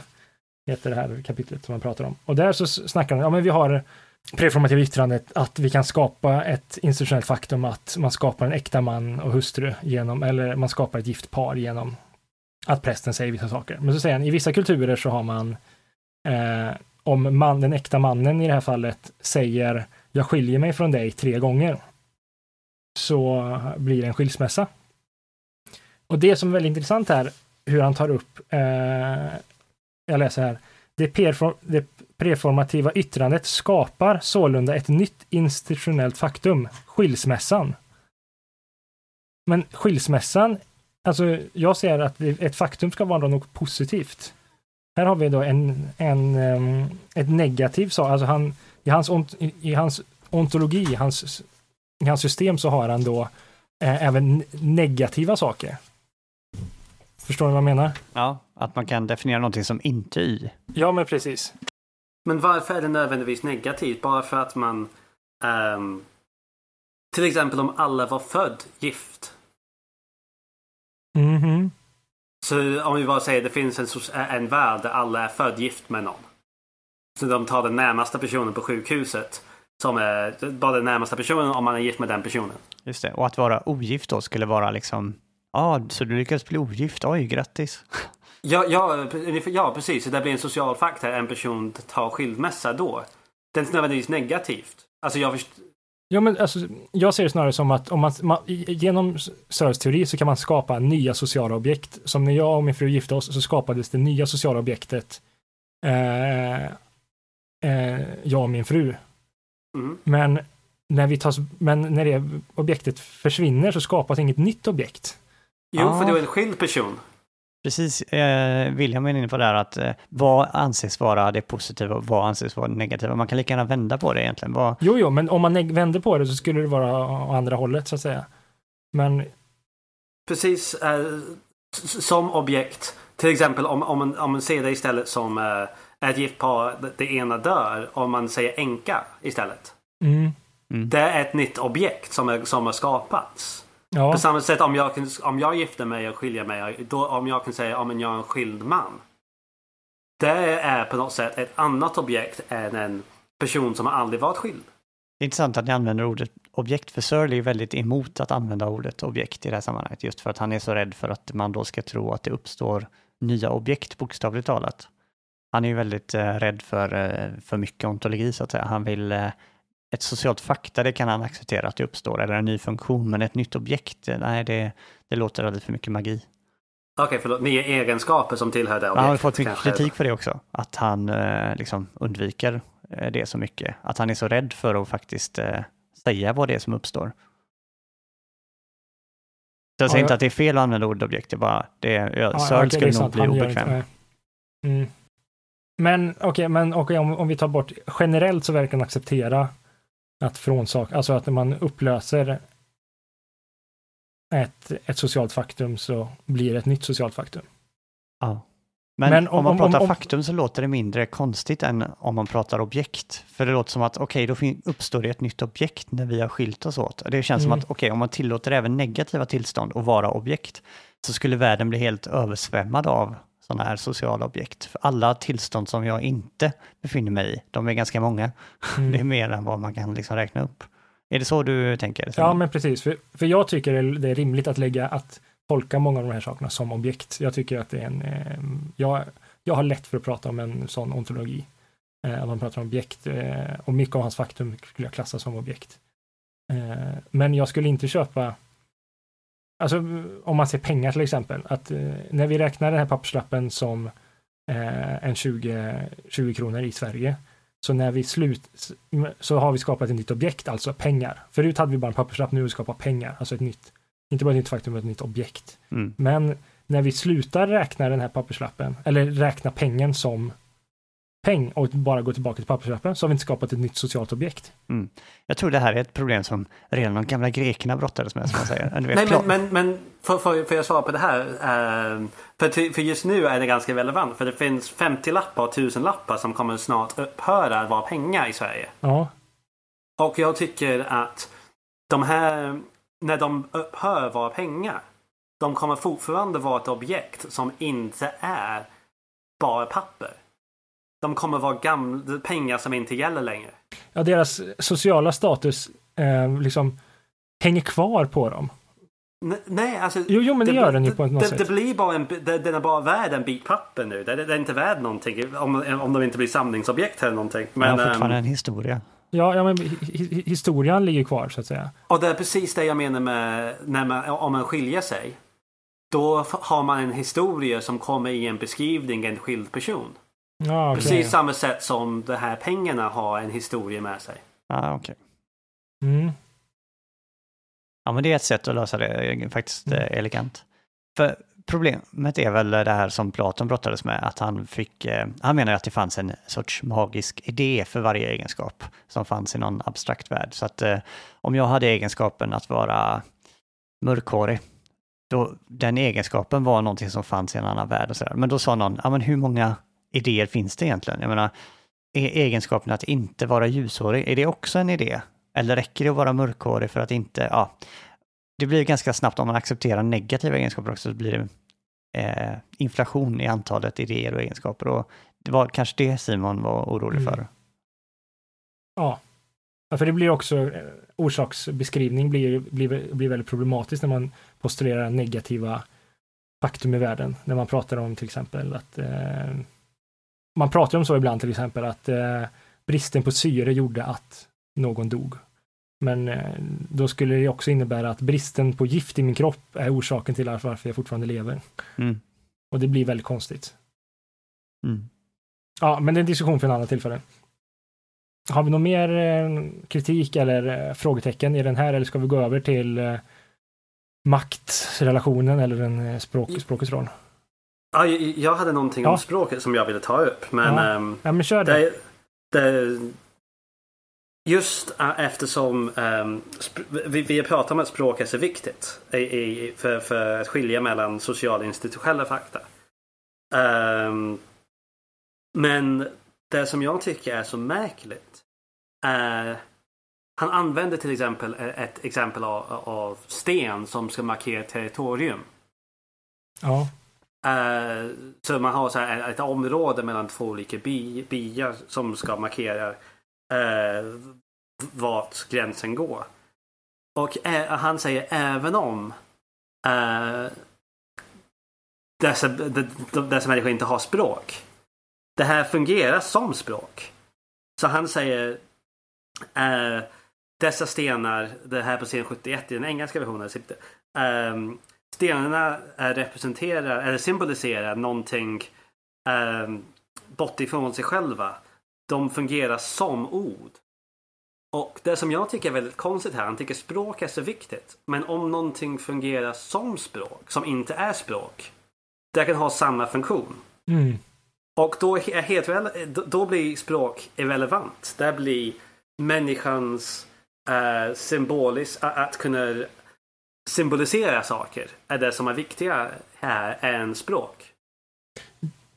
ja Mm. alltså jag håller med dig för hans anledning varför han har språk här känns som att det är det sättet. Alltså till exempel han, hans, hans villkor för att skapa ins, institutioner är att eh, en grupp har en kollektiv intentionalitet och att de kan tolka någonting i olika nivåer. Eh, att man kan räkna x som y. Så att en grupp räknar x som y, då har vi skapat ett socialt faktum. Det här verkar ju djur kunna göra. Man har visat att eh, djur kan ha kollektiv eller att de kan agera tillsammans och man kan man har visat i studier till exempel att, en, eh, att, eh, att schimpanser kan, tolka, att, kan se en låda som en trappa. Till exempel. Eller som använda en pinne som ett verktyg. Då tolkar man x som y i en situation. Men Eh, det verkar ju bara vara människor som har institutioner, som verkar ha pengar, som verkar ha andra grejer. Då måste man ju lägga till någonting där. Och det är ju då språket som man lägger in för att få att det är bara människor som har institutionella faktum i världen. Men sen så har han ju problem som du säger, han, när han försöker förklara vad språket är här så blir det ingenting annat än att tolka x som y.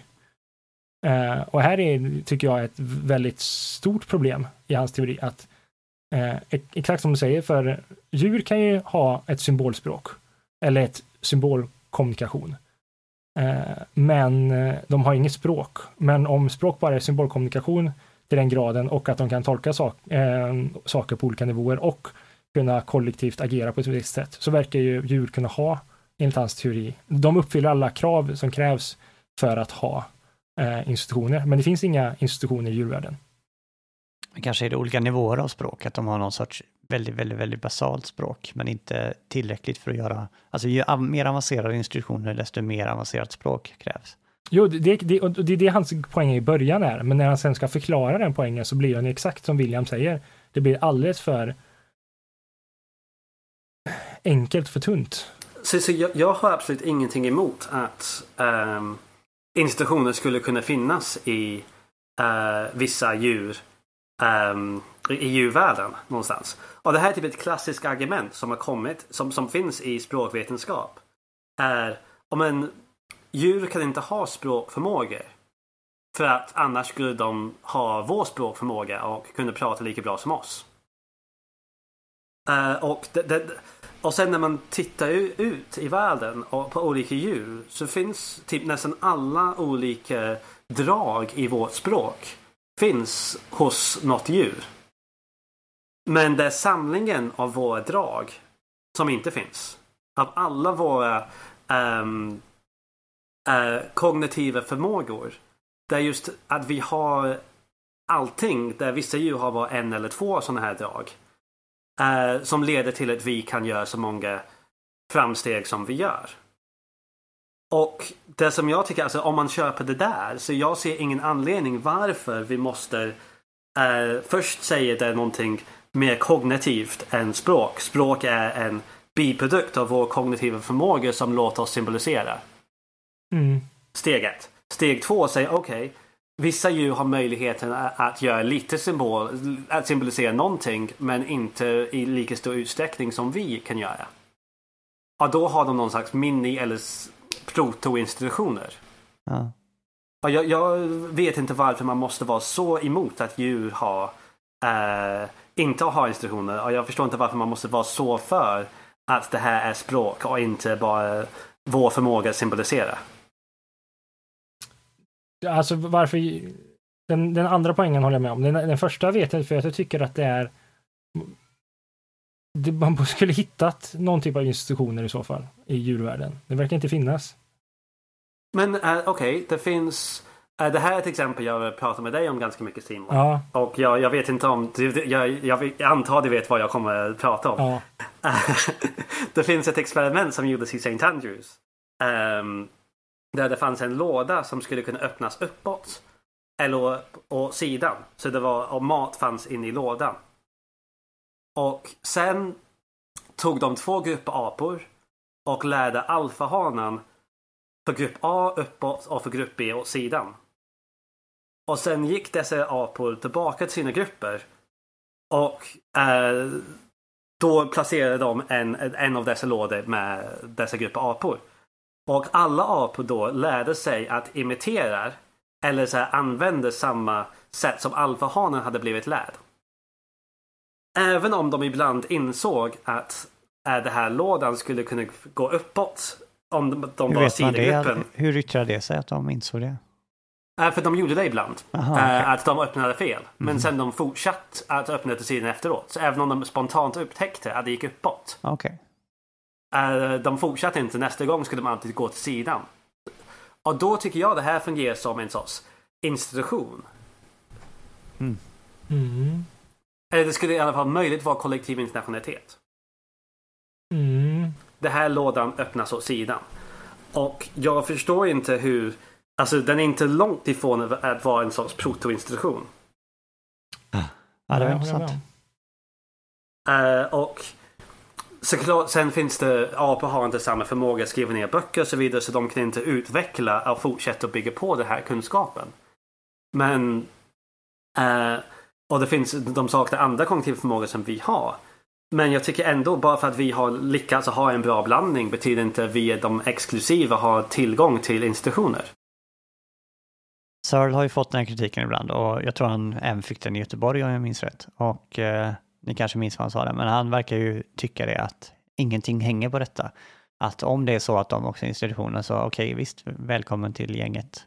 Eh, men det verkar inte som att de har så avancerade institutioner helt enkelt. Jo, men Ja, alltså det, det kanske jag är inte så, så kritisk mot Cell om, om just den biten, men... Nej, det är väl snarare jag just... som är, som är kritisk. Alltså, alltså du skulle då säga att våra institutioner är bara kvantitativt annorlunda och inte kvalitativt skilda. Ja, precis. Ja, vi har bara mycket mer och mycket större typer av institutioner än vad de har. Med, medan Um. jag är mer, jag skulle säga att det vi har är alltså artaktigt skildrat ifrån vad de har. Men eh, jag, jag håller, det, det är en bra argument att ha och jag, jag inte säger, jag, ja, jag har inget riktigt svar just nu. Men jag är väldigt stark mot det här med språket är det viktigaste. För jag är ju... Men Det håller jag med. Jag tycker kollektiv identitet är det viktigaste och jag tycker att djur inte har det. Men det ska vi inte ta. Eh, Men ska vi gå vidare till eh, makt och hur det fungerar här? En viktig grej som Searle tar upp är eh, hur statusfunktioner och eh, institutionella faktum eh, fyller en maktfunktion. Och det här låter ju väldigt smaskigt. Tyvärr är jag, jag personligen inte så upphetsad av maktrelationer. Ehm, men han snackar om att varje gång vi får en, en statusfunktion, alltså när en papperslapp blir pengar, så innebär det att det, att det ger en, eh, finns en maktrelation här som skapas, att jag kan med de här pengarna skapa, eh, få några saker. Eh, eller en, om jag blir ordförande så får jag en statusfunktion ordförande så får jag en, eh, en maktrelation till andra personer. Eller Precis, och att det är det som är, driv, vad ska man säga, motorn bakom den sociala ontologin. Att vi får rättigheter och skyldigheter genom att vi accepterar att folk har makt att göra. Alltså makt, det låter fel på svenska. Jag vet inte om det har andra konnotationer på svenska, men alltså vi har rättigheter och skyldigheter att göra olika saker. Så en bärare av vissa pengar har rättigheter att byta de här pengarna mot vissa tjänster och varor. Mm. Men en sak som jag, alltså för, för, för han verkar göra makt till en, en, en ny grej. eh, i, I sin text, eller i alla fall prata om det som om det är en, ny analys eller så en utökad bit från den allmänna ekvationen som vi har pratat om väldigt mycket. Mm. Men om man tänker sig bara ett subje- en subjekt som är en person som är X i det här och sen hamnar som ordförande eller får mer pengar. Är det inte så att den här personen hamnar i nya kontexter eller får nya funktioner? Och allt man pratar om när det gäller makt är att man får nya möjligheter att eh, vara X som gäller som någonting i eller vara ett X som gäller som i en ny kontext. Är inte detta att han försöker förklara vad det innebär att eh, räknas som i, i en kontext? Att, eh, vad är det som är liksom cash value? Vad, är det man, eh, vad har man för nytta av det? Och att han eh, därför pratar om det här med makt, så här, att det ger en förmågor. Ja, men alltså, någonting, ja, men alltså han, genom det här som vi har diskuterat så lägger han fram den logiska strukturen för den sociala verkligheten. Och sen så, det han gör sen är ju liksom att diskutera, vad innebär den här logiska strukturen? Vad har den för haha, funktion, inom situationstecken? Ja, Eh, fan, det blir det. Nej, eller vad, vad, ors, vad har att, den, eh, att vi, den logiska strukturen ser ut på det här viset, vad orsakar den? För, nej, jag blir, fan vad får funktionen. det för alltså. konsekvenser? Vad Ja. får det för konsekvenser? Och konsekvenserna är att det blir En omfördelning av maktstrukturer eh, kanske? så exakt så säger han. Det blir en omfördelning av makt. Det är där, just det. Han pratar om att ehm, en um, alfahane i en, i en, ehm, en vargflock har sin makt utifrån fy, rent fysiska ehm, attribut av ren rå fakta kan man säga. Medans eh, omfördelning av makt som sker genom eh, sociala och institutionella faktum är omfördelning av makt som inte baseras på eh, råa fysikaliska eh, Attribut. attribut. Men allting, alltså alla X fungerar som Y behöver inte vara ehm, maktbaserad. Och eh, till exempel om jag fungerar som arbetare eller jag fungerar som slav eller jag fungerar som tiggare. Alltså den här ekvationen innebär inte mer makt. Det kan också betyda en förminskad makt. Ja. Ja, jo, men, men då är det en omfördelning av makt. Det, det, Aha, just det. ja, Förlåt. det är det det innebär. Och, Jag trodde det var alltid en ökning. Nej. Jag misstolkade Ah, okej. honom då om det Ja. fungerar så. Jag trodde han bara pratade att det här kan ge en ökning i makt, inte en... Ja, det kan ge skyldigheter och... ja, alltså, någon, någonstans så skapar ju makt också, men för att jag menar, det är inte så att vi har en konstant nivå av makt och sen så, för det är, någonstans så skapas ju nya maktstrukturer genom att nya institutioner skapas, men genom, genom att mer, eh, om vi pratar i mar marxianska termer, mer maktsubstans tillförs så kan vi också omfördela den på ett annat sätt. Marxian. Jag vill inte säga marxistiska, eh, men jag ville säga att eh, jag baserade tankegången från när vi läste Marx. Okej. En kritik han har fått Searle är ju att eh, bland annat hon, Åsa Andersson heter hon va, svensk forskare, eh, som påpekar där att vi, eh, ibland krävs det väldigt mycket forskning för att hitta sådana här maktstrukturer.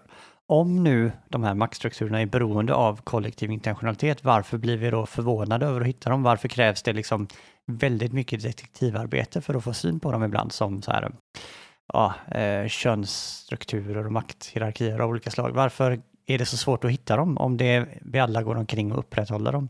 Det är någonting Searle har varit tvungen att förtydliga lite grann här. Då, hur, Hur eh, svarar de på det? Jag tycker inte att det är så jättesvår. Men vad säger Sörli? Eller kommer inte ihåg det. Han säger någonting så här att man måste skilja på medvetandeberoende eller intentionalitetsberoende institutioner och konsekvenser av dessa. så att eh, inflation till exempel. Ekonomin i sig själv, pengar, är beroende av vår kollektiva intentionalitet. Men när väl systemet är på plats så kan det få konsekvenser som är helt oberoende av vår intentionalitet. Så att vi får inflationscykler och sånt som det tar massa år innan vi upptäckte och sådär. Och det är på det Mhm. sättet man ska förstå det. Okej. Men s- s- samtidigt att eh, vi behöver inte kollektiv internationalitet för institutionell fakta att uh, fortsätter. När det väl Så är vi på behöver plats. inte vara medvetna över våra institutioner alls. Även, inte bara konsekvenserna. Vi behöver inte vara medvetna. Nej. Så länge vi upprepar dem så, så att de finns kvar så behöver vi inte nödvändigtvis vara medvetna på vad institutionen är. Nej, han pratar om det när det gäller pengar. Jag ser det som ett bra svar på det hela. Här skulle vi kunna gå till, eh, för William var redan inne på pengar och hur medvetet det här måste vara att vi representerar som pengar. Mm. Eh, Skulle det här kunna gå till Marx eh, idé om pengar? Jag har strukit under några gånger i boken när jag, in, när jag tänker att det här är inte kompatibelt med Marx teori. Eh, den här synen med eh, på hur, hur han beskriver pengar till exempel. Mm, framförallt värde skulle jag säga. Jag blev förvånad nu när jag läste Searle och till viss del kanske jag har skrivit en artikel, eventuellt så är vissa av de sakerna jag säger där inte helt rättvisa mot Searle inser jag nu. För Searle är ganska mycket här, eh, där gå med på att vi inte aktivt måste se saker som pengar och att eh, till viss del kan det ske omedvetet. Jag vet inte faktiskt om han kommer undan med det, men han säger i alla fall så. Eh, så en del av de här eh, att eh, pengar kan växa fram utan att någon vill att pengar ska växa fram, det kanske han faktiskt kan gå med på. Men värdet som Marx pratar om, det här absoluta värdet, att arbetet skapar ett absolut värde, det tror jag Searle inte kan gå med på, för det låter på Searle som att värde, rättigheter och sådana saker kan bara uppstå genom att vi kommer överens om att de ska uppstå. Till exempel så säger han att det fanns inga mänskliga rättigheter förrän vi satte oss ner och kom på de mänskliga rättigheterna. Vilket eh, eh, han har fått kritik för också, för att vara relativist, moralrelativist och säga att det finns inga moraliska rättigheter. Liksom, det är bara någonting vi sätter oss ner och kommer överens om att ja, men det är fel att döda människor, oskyldiga människor. Och för, innan vi kom överens om det så var det inte fel att döda oskyldiga människor. Och när jag läste den kritiken av Searle så tyckte jag det var väldigt konstigt, för jag, jag kunde liksom inte se att Searle var så relativistisk. Men nu när jag går tillbaka och läser vad han faktiskt skriver så ligger det någonting i det. Ja, men så är Och det här då att pengar skulle vara att, att bara för att vi arbetar med ett objekt skulle göra det värdefullt, det tror jag inte Searle kan gå med på. Men i någon mening går väl Marx med på det. Ja, Fast det är fortfarande det där med Marx med att det ska tjäna en viss samhällsnytta, så beroende på hur man definierar samhällsnytta så eh, kanske man kan eh, få in det här att eh, man ska anse det vara värdefullt. Vad säger William? Ehm, ja, alltså... Alltså, för, för om man tänker, eh, alltså Marx är ändå kopplad till um, våra behov eh, ganska mycket. Alltså Mm. i alla fall på, den, på de materialistiska behov vi har. Ja, Och det är därför vi skapar dessa produkter, alltså produkter. Precis, det är så jag tänker att det kanske ändå närmar sig Searle. Eller tvärtom. Ja, så, så, så, då skulle man kunna ändå säga att även om eh, till exempel bruksvärde eh, skulle kunna förmodligen vara ontologiskt subjektivt. Mm. Mm. Ja, det är klart det. Men jag vet inte om marxister skulle gilla det så mycket. Men bruksvärde är ju ontologiskt subjektivt. Okej, okay. men om det är ontologiskt... Då... Efter, eftersom det är en kvalitativ egenskap som ja. be, bestäms utifrån individens... Eh, och sen, så, så, då om man har um, råvarun fungerar som bruksvärde i marknad C. Jag tycker man kan börja komma åt uh, definitionen av värde lite mer. Och speciellt om man har sagt att uh, um, till exempel att man kan lägga, lägga ihop fler uh, av sådana här ekvationer i varandra. Så om man har um, dessa så här, uh, ull har värde i C. Och man har arbete har värde i C. Tillsammans de två har mer värde då. Om man har ull plus värde är lika med tröja. Tröja har värde i C. Och det här värdet som alla de här tre får. Det här sista värdet av tröjan kanske är, skulle förmodligen vara mer än de andra två. Mm. Ja, det är ett sätt att använda hans eh, beskrivning av det. Jag tror inte hans, eh, det känns inte som person, personliga åsikt skulle inte vara kompatibelt med det där. Men att använda Searles teori i en marxiansk förklaringsmodell, då skulle det bli sådär och då blir det faktiskt rätt bra. Jag skulle säga, nej, jag, jag försökte bara säga det är möjligt, ja, det är inte nödvändigtvis ja. inkompatibla. Nej, nej, men precis, jag tycker det var väldigt bra exempel som du hade där. Uh, men just det, men det blir också lite konstigt just när man, när man ställer upp det i syrianska termer på det här viset. Att man måste lägga på att vi har arbete i en kontext. Och så har vi produkten i en kontext. Eller vi har ting, varan i en kontext. Och sen så lägger vi ihop det på något sätt. Det blir det... Um... Inte, inte alls problematiskt. Blir inte det tycker du? För, för, för Marx alltid pratade om snitt, snittet. Snittet av uh, ar arbetstid till exempel. Mm. Eller snittet av en, uh, hur mycket en produkt kostar. Och då, genom att ta snittet av någonting. Då måste det vara en, om kontext var en begränsning till tid och rum. Då kan man ta snittet av arbetet i, på 1842 i England. Och det kan man använda för att det är det som är det, typ det relevanta i den uh, um, arbetstidsuträkningen. Man ta, när man ska ta snittet så vill man inte ta typ all 2000 års arbetstid för att tillverka en tröja. Man vill ta en arbetstid som är relevant till en viss kontext för att kunna räkna ut det. Mm. Hänger ni med? Ja, hänger med. Varför mm. C ja. måste vara med? Mm.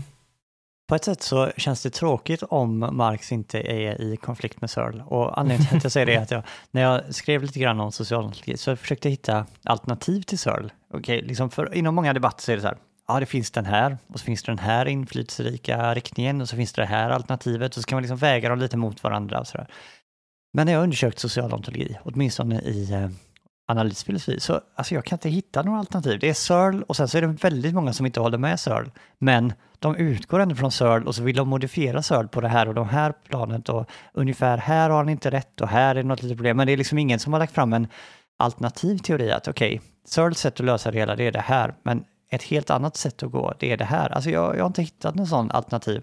Det finns någon rörelse i början på eh, 1900-talet, lärjungar till den här Husserl, eh, där eh, vissa säger att där utvecklades en alternativ teori. Men jag har liksom aldrig sett någon förklara hur den teorin exakt skulle fungera. De kallar det a priorism och säger att vi... Ja.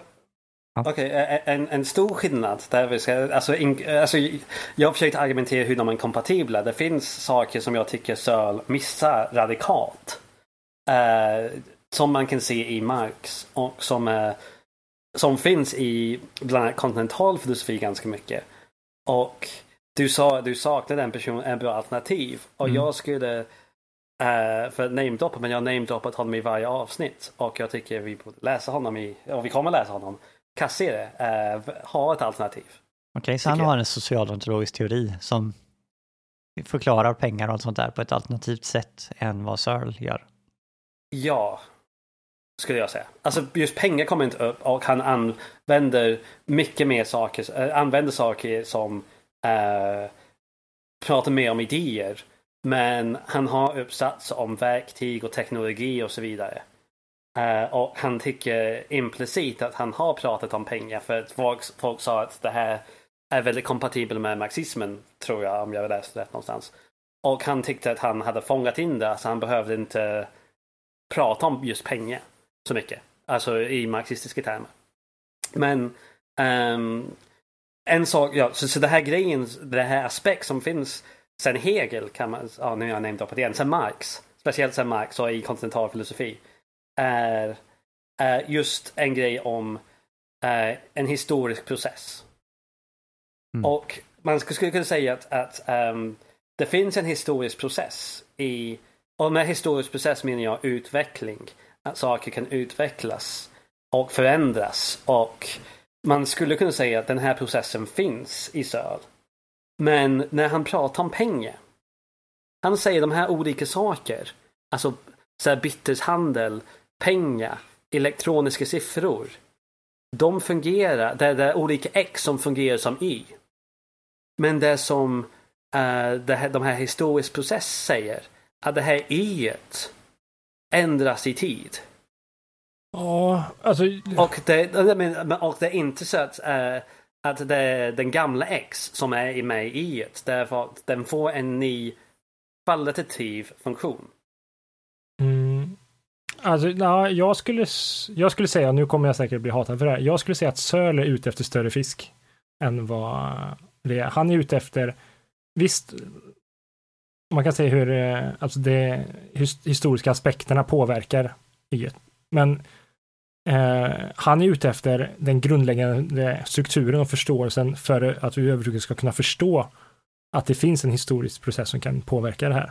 Jag, jag skulle säga att Söl går ett steg djupare i sin analys. Men för Jag att få det till en... steg. eh, Ja, men för att göra det till en motargument, eh, så det var det jag försökte göra när jag läste Nozick så här. Och eh, jag skulle gärna läst Marx på den tiden också, för jag tror att samma poänger går att göra med Marx, är att man försöker hitta ett alternativ till Searle. Searle säger att anledningen till att det här funkar som pengar är att vi representerar det på något sätt som pengar. Eh, en sån här historisk process skulle vara om det kan växa fram pengar utan att någon någonsin har liksom, representerat det som pengar. Vilket jag tycker mig nästan kunna se hos Marx eventuellt. Men Searle har lagt in massa så här immunitetsklausuler, om- om- jag vet inte vad jag ska kalla det, men han liksom säger i förbifarten att jo men förresten, det är inte så att vi aktivt behöver tänka på det här som pengar för att det ska fungera som pengar. Han liksom lägger in sådana här små grejer för att, och det känns som att då immuniserar han sig mot sådana kritiker. Jag, jag har inte riktigt lyckats tänka igenom det här, huruvida han faktiskt kommer undan med det eller om han bara säger att han kommer undan fast inte kommer undan med det. Alltså jag tycker till skillnad från Simon att Söl är ett steg ytterligare än Marx. För jag tycker han är alldeles för statisk. Att han kan så här, fånga blickar, så här, aspekter i samhället. Eh, så, så, så, han, så, så det han kan göra är visa X's förändring i tid. Han kan säga vi har gått ifrån eh, att min uh, ulltröja används som pengar till vi hade guld, tills vi hade papper, tills vi har kreditkort. Så han kan fånga den materialistiska utvecklingen av det vi använder för det här X i ekvationen. Mm. Det han inte fångar upp är det kanske finns en dynamisk process som sker till funktionen också. Vad innebär det att vara värdefullt? Det är Vad innebär det att användas som pengar? Ja, fast, Och Ja. jag tycker det, det, det, det, nej, det, det, det som Marx kommer åt lite när han pratar om eh, till exempel att kapitalismen kan utvecklas fram genom att y ändras. Att man börjar använda eh, um, uh, pengar på det sättet att man försöker utöka sina pengar med att, att vara en kapitalist. Är en helt annan y som växer fram. Kanske är det vi där tillbaka igen med inflation och sådär och sånt där, att vi skapar ett y och inser inte att det i sin tur kommer ge upphov till y2, y3 och y4. Alltså, att kapitalisten, han börjar att agera i egenintresse för att göra Y, men inser inte att det kommer leda till konsekvenser ja, av ett annat slag. Är det lite så du tänker William? Nej, men på samma sätt, alltså pengarnas, pengarnas Y.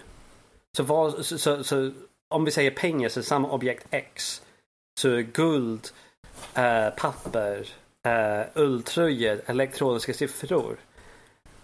Enligt Searle fungerar som värde eller fungerar som pengar. Och har det här ändrats också? Vad pengar är? Om det har, alltså vad värdefullt betyder. Om den ändras.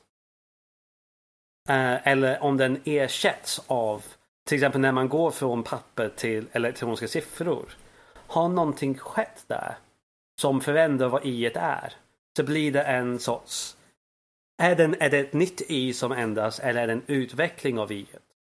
Och båda av dem, både, vilket som det är, så fångas det inte upp av söl.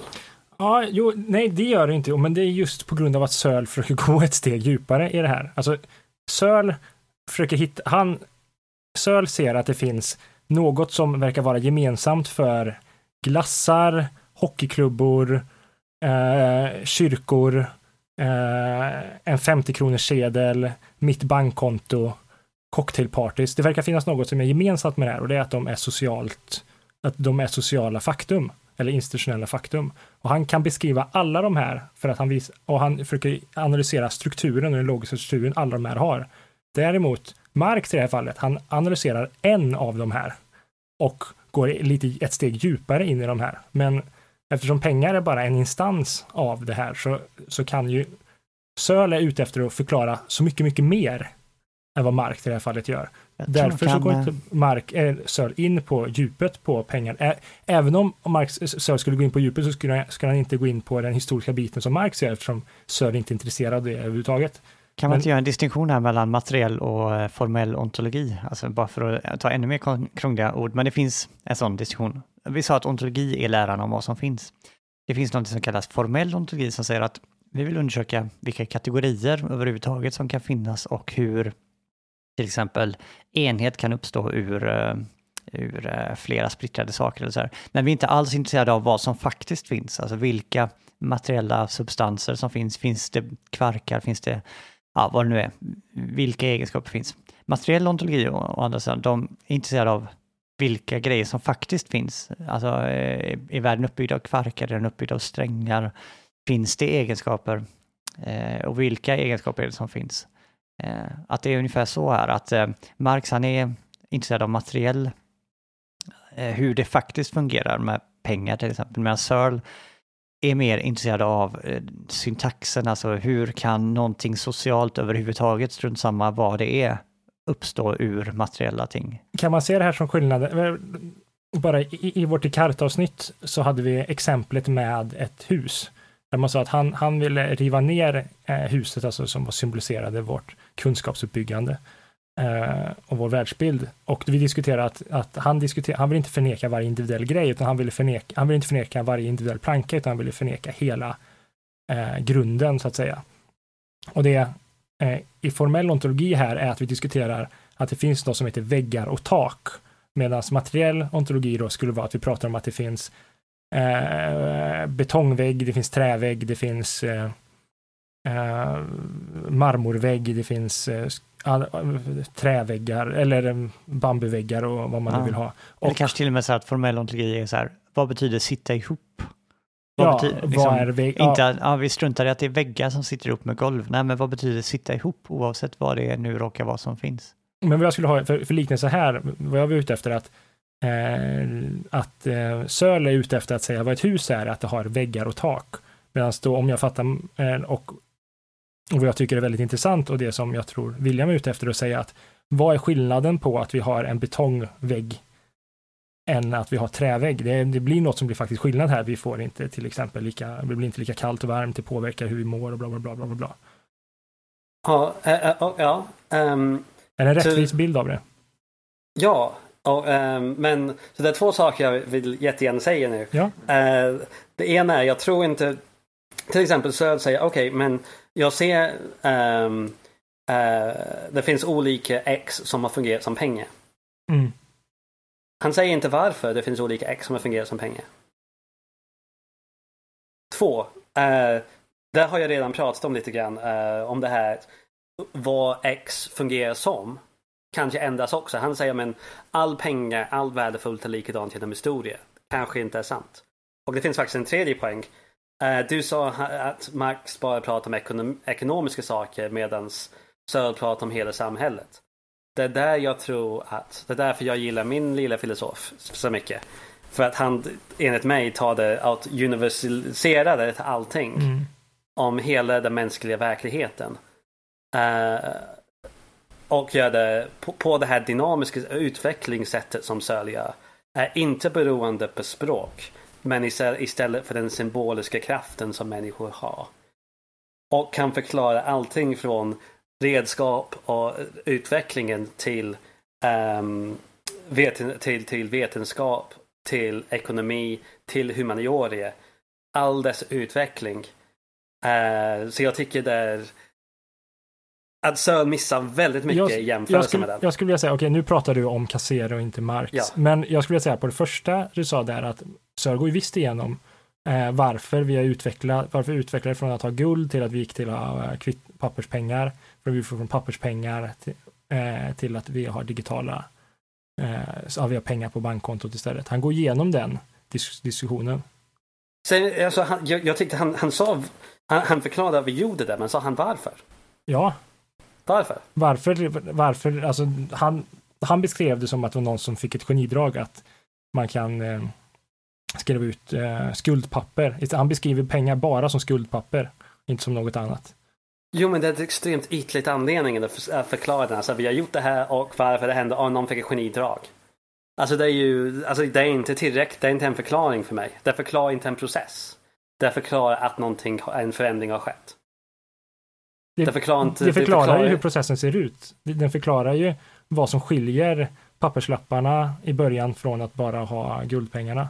När vi har papperslappar så innebär det att de här papperslapparna står för och representerar att jag kan hämta ut, att jag har då en makt, eh, maktfördelning, att jag kan med det här papp pappret gå och hämta ut pengar om jag skulle vilja göra det. Så utvecklingsprocessen för dessa för, för socialverkligheten är då genidrag?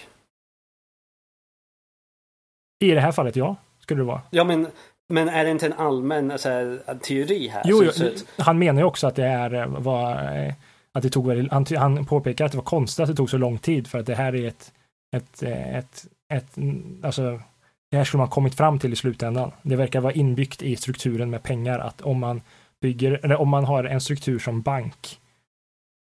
det, var, det är väl det som han menar, om vi har något som heter banker om vi först skapar det, då, är, då följer resterande en rent, rent naturlig gång.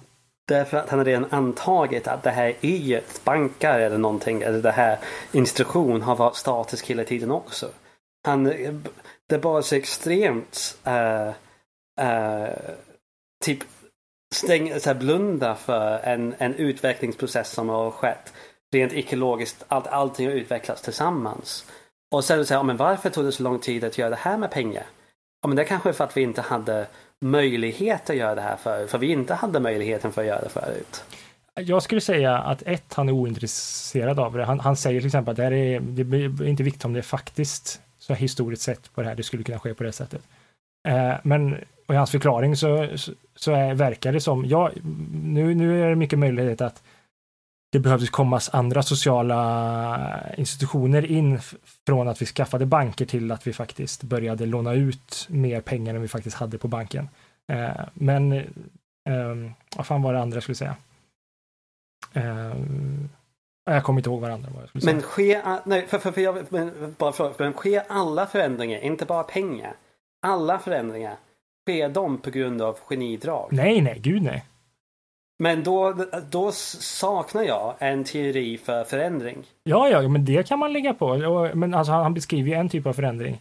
Och han beskriver ju förändringar i form av att det behövs olika eh, maktfördelningsrelationer här. Men, ja, och, men, men, men, men, men så han lägger fram grunden för att det överhuvudtaget ska kunna ske en dynamisk förändring. Det är det han lägger fram här. Att säga att det finns dynamisk förändring utan att förstå vad det är som dynamiskt ska kunna förändras i är ju eh, men som sagt, det ska bli extremt intressant att läsa Kassere eftersom jag har hört så mycket om och, och om han har en teori där han först lägger fram en, en struktur där saker kan ske och sen förklarar hur förändringarna i den strukturen sker. Så, så håller jag med, då skulle det toppa det här. Nu är jag rädd jag byggt upp honom för Jag känner att det är två saker. eh, Om, ja, det, det skulle kunna vara två problem och ett tycker jag är intressant och ett tycker jag, eller ett tycker jag är problematiskt och ett är inte. Antingen är det så här att vad William är inne på är att vi här har att göra med en alternativ teori, alltså en motsägelse till Searle, det vill säga en sak där Searles teori ett alternativ eh, för, förklaring av den sociala verkligheten och att en sådan kan finnas hos Marx och Cassirer eller vad han heter. Eh, det tycker jag är mest kontroversiellt och det är det jag, ifrå, eller, det är det jag vill ha. Jag vill ha ett alternativ. Jag vill att eh, det hade varit kul om någon la fram en alternativ teori. Och ibland låter det som att William implicerar att eh, här finns en alternativ. Att det inte bara är att Searle inte pratar om detta. Searle har fel. Alltså hans teori kan inte förklara detta eller sådär. Men ibland låter det som att William pratar om att Searles fel är att han inte är tillräckligt noggrann. Han gör en början, men han, eh, det finns så mycket mer att säga. Men det är inte en invändning, det är inte det att Searle har fel, utan det är det att han bara har börjat skumma på ytan på ett... Eh, ja, ser ni distinktionen där? Vilken av de här två är det? Är det den första är motargument eller Searle har gjort för lite? Jag tycker nästan vid varje eh, distinktion han gör, vid allting som han lägger vikt på, är problematiskt. Speciellt och eftersom att han lägger så extremt mycket ehm, Eh, eh, mycket eh, vikt på språk och kollektiv internationalitet som kanske inte är nödvändigt. Och jag tycker det som eh, som det här alternativ som jag säger kanske finns är har inte samma, alltså språk är extremt viktigt. Men det finns andra krafter som är, andra fakulteter som människor har som samarbetar med vår språkförmåga. Och det, det leder till vår dynamiska process. Och eftersom det är så mycket mer komplicerat än vad Searle säger. Searle är på ytan, men eftersom han gräver ner för språkhålet så skulle jag säga att, eh, han har, att det blir ett alternativ. Men Ja. det är inte så att det är ett helt annat språk eller helt annan teori som, inte är, som pratar om helt andra saker. Ska jag tolka dig så bokstavligt? För jag försökte argumentera för det en gång. Eh, är det så här bokstavligt du vill säga att Searle säger att kollektiv intentionalitet är nödvändigt för social verklighet eller institutionella fakta, hur vi nu vill uttrycka det. Du säger att det finns några fall där vi har institutionell eller social verklighet utan kollektiv intentionalitet. Möjligtvis. Ja, för det tycker jag vore väldigt spännande och jag försökte argumentera för det i en artikel baserad på Nozick. Om det går att göra samma sak med Searle, eller med, baserat på Marx, eh, det skulle vara väldigt intressant. Jag måste säga, efter att ha läst Searle igen så blir jag lite mer osäker på mina argument där, just för att Searle ibland verkar vara lite mer... Alltså, alltså jag tror, jag skulle säga att din poäng är din artikel som kommer ut i Filosofisk tidskrift i april 2014. Värt att läsa. Eh, jag, jag anser att du har helt rätt. Problemet med SÖL är att när jag stör, jag blev väldigt sur när jag läste den här, att han, han säger att kollektiv identitet är en speciell grej i början. Och sen så använder han det så vagt så det bara finns. Han pratar, han, alltså, han, eh, han, han beskriver att, han säger att myndigheter och internationalitet, samhälle, att myndighetens internationalitet skiljer sig från omgivningens, omgivande samhällets internationalitet. Och då har han helt plötsligt pratat och pratar om kollektiv internationalitet på ett helt annat sätt än han definierade från början.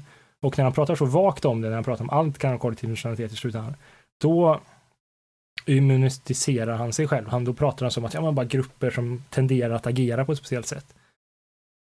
Mm. Eh, och då förstår jag om, om du känner att din, din poäng Mm. du gör där är lite, lite Ja, det är svårare. sant. Den Men- såg jag inte, men det är helt korrekt där. Och likaså där när han säger hur, ja men det kanske är den poängen, hur vagt han tillåter det här att vara, det här att det faktum att eh, kollektiv intentionalitet representerar bla bla bla. Om det är definierat så himla vagt, då är det så lätt att allting räknas det. Och visst, då kan man inte kritisera hans teori, men samtidigt blir den inte så intressant om... Exakt. Mm. Jag håller, så skulle jag säga det. Jag tror att eh, om man utgår från hans definitioner och använder de definitionerna i eh, när han säger saker och ting så blir hans teori inte kanske korrekt. Då kanske verkar finnas tillfällen som kanske William också är inne på där det skapas sociala institutioner där kollektiv internationalitet inte varit aktiv. Mm. Eh, men han säger att, men han beskriver sådana situationer som om det skulle vara kollektiv intentionalitet. Men det följer inte hans. Alltså Nej. ett, ett, ett exempel på det skulle kunna skapas kollektiv, eh, eh, för alltså i slutändan, bara för att nämna det för lyssnarna, att kollektiv intentionalitet är väldigt strikt krav i slutändan som man beskriver det är att eh, nej men alltså, ta orkesterexemplet. Eh, det- är att två stycken sitter och övar på samma stycke i, bredvid varandra och det, eh, så har inte de kollektiv intentionalitet. Men när de sitter och gör exakt samma sak bredvid varandra när de har konsert så är det kollektiv intentionalitet. Eh, och, det är väl, och det har väldigt strikta krav för att det ska vara, till exempel att de ska göra det tillsammans, det menar att göra det tillsammans liknande. Och Searle är ju lite speciell. Jag tror en sak han har, en sak som är speciellt för honom är att en ensam människa, om det bara finns Simon i hela universum, så kan Simon ändå ha kollektiv intentionalitet, bara han tänker vi gör det här. Bara Simon tror att det finns andra människor räcker, vilket en del har tyckt är konstigt. En Mm. del tycker att det måste finnas fler för att det ska vara kollektiv intentionalitet. Men skulle, om man var den enda individ i hela världen, Mm. i hela universum, skulle man utveckla ett vi? Utveckla ett, aha. Skulle, skulle man ha jo, det? för man måste tro då, eh, för exemplet är den så här brain in a vat, alltså att man är en hjärna som ligger i en näringslösning. Och det finns bara man själv, men någon sorts dator simulerar att det finns massa andra människor. Så att man tror att det finns andra. Och därför tänker man vi, fast det finns inga Aha, andra. okej. Men i alla fall poängen, eh, det skulle, skulle kunna gå, eh, och vad jag förstår, är ett kasserianskt eller marx, marxistiskt eller kanske nossianskt sätt att se på det, där personerna sitter individuellt bredvid varandra och inte för, eh, utan de bara tränar på sina instrument. Att det skulle på något sätt kunna skapa en, ett, ett Ah. socialt faktum. Ah, bra poäng Simon. Ja, precis, exakt så. Så exakt, bra sammanfattning. Thank att det you. skulle kunna uppstå på ett annat sätt än Ja. Searle tänker sig. Att det skulle kunna uppstå ur en slump utan att någon någonsin har avsett. För det är det Nozick gör när han, han argumenterar för att staten skulle kunna uppstå utan att någon någonsin vill att staten skulle uppstå. Alltså speciellt med, alltså jag är väldigt, när det gäller hjärnan, för det är det som jag håller på med eh, under vardagen. Jag är väldigt ehm, inne på teorin att saker kan, så här, ordning utanför oordning. Alltså så här kaos. Eh, till exempel, alltså man brukar prata om vädermönster till exempel. Man hittar så här väldigt bra tendenser som sker från nästan slumpmässiga saker. Och det som man säger med språk i, i det här fallet, eller kollektiv intentionalitet, är att man har någon sån här utpekad, utriktad grej, annars får vi in, ingen ordning. Men ordning kan ske. Eh, så, så, så, jag har ett exempel på det här, men ordning kan ske utan att man är medveten om det. Att det blir bara så här folk gör random saker. Så till exempel när man applåderar. Alla applåderar på sin, vid sin egen takt när efter vid en konsert är slut. Eh, alla applåderar. Ehm, men det här beteendet synkronerar sig så att alla klapp, äh, applåderar i takt efter okej. ungefär fyra sekunder. Ja, det är Lyssna på, när folk, Ja. lyssna på när folk applåderar. Så när, jag, när jag läste det här så visste jag aldrig mä- la, la märke till det här. Att man helt plötsligt synkroniserar sitt beteende. Mm. Mm. Ja, det tar ungefär 4-5 sekunder och sen, äh, sen händer det. Och Ja, Och, jätte... det, och det skulle inte vara kollektiv exempel. intentionalitet i... Eh, att, att applådera i takt är inte kollektiv Nej, intentionalitet. precis. Det är- Att applådera kanske är kollektiv Ja, intentionalitet. precis, vi, vi, gi- givet att vi applåderar nu. Ja. Eh, det är, men som sagt, det här är en lång debatt, men jag skulle beskriva det som du beskrev där i, i termer av um, David Lewis konventioner. Uh, alltså man kan beskriva det ungefär på samma sätt som att jag uh, uh, för mig spelar det ingen roll vilken sida jag kör bilen på så länge jag kör på samma sida som alla andra kör på. Vilket innebär att inte att vi kör nu på, på höger sida. Eller, eller till exempel vi klappar i den här takten. Utan det är så här, jag klappar den här takten om det är så att alla andra klappar den här takten också. Och då blir Ja, det fast inte det verkar vara mer omedvetet här än bilexemplet. Det verkar vara snarare en sån här emergent egenskap som det kallas ibland. Alltså en egenskap som uppträder. Eh, en emergent egenskap är en egenskap som uppträder hos en mängd eller ett system bestående av saker som själva inte har den här egenskapen. Så till exempel eh, vågor är ett exempel, så här klassiskt exempel. Om du tittar på själva vattenmolekylerna så hittar du inga vågor. Men ta en jäkla massa vattenmolekyler i en mängd så kan du se vågor.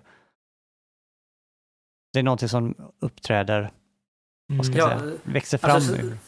så när man applåderar så man, man siktar inte på att man ska applådera i takt med alla runt omkring. Man ska bara klappa sina händer. Ja, Men det som sker är omedvetet att det här beteendet synkroniserar sig. Så att alla klappar i takt. Och Mm. takten kan vara annorlunda vid olika applåderingsgrejer. Alltså vad, hur man hittar det här. Ehm, Ja, äh, det, Takten kan, Mm. kan vara annorlunda vid olika publiker. Men det sker så att det hamnar vi i samma takt. ja. Ja, det är samma sak som publiken. Simon säger, att om vi råkar falla in och råkar spela av misstag samma stycke, att det kan liksom växa fram en symfoni, eller staten eller vad som helst. Att det skulle i så fall kanske vara ett motargument mot Searle. Ja, jag, jag skulle, jag ska, äh, skitsamma. Men... Eh, Jo men den- det här var någonting som inte var ett misstag. Ja. Det, det är ett exempel jag försökte säga. Så någonting som inte bara så här, oj slumpmässigt. Vi, vi lyckades trycka på tangenter och skriva Hamlet. Mm. Eh, Mm. Men det var inte heller jätte- Det är ett jättebra medvetet. exempel. Det är ett jättebra exempel. Men nu börjar tiden rinna ut. Ska vi, det känns som vi har sammanfattat. Har ni något Ja. att säga mer om, eh, om diskussionen eller om texten? Rent allmänt? Nej, jag är ganska nöjd. William? Jag är nöjd. Ja. Jag tyckte det var väldigt roligt det här. Sista diskussionen här. Ja, det var nästan det roligaste på Det var hela- extremt inspirerande. Men det var också Kanske- skönt att lämna Searle lite grann bakom sig och Ja. faktiskt prata fritt. Ja, det blev han. Det är, ja, skillnad på Söder och de andra texterna var att det blev alldeles för mycket. Vi blev väldigt fast i att förklara. Så här menar han utan att. Alltså man måste lägga fram så extremt mycket termer innan man kan börja diskutera. Mm. Det kände jag var lite problematiskt med, med att ha det här som en eh, bok, bokdiskussion. Mm. Men jag tycker också, alltså vi kanske borde ha varit lite för rädda att göra som diskussioner som vi har haft nu. Men det kanske är det som är mest intressant att ha lyssnat på. Ja, vi, För får, lyssnare också. vi får se. Vill, vill jättegärna ha kommentarer på det. När ni hör det här. Skriv jättegärna. Ska stoppa. Men eh, i alla fall. Har, Jaha, okej, vi har inte sagt hej då. Så. Nej, men i alla fall eh, nästa gång ska vi läsa William James. Eh, hans bok Pragmatism som är ett gäng föreläsningar från början av 1900-talet.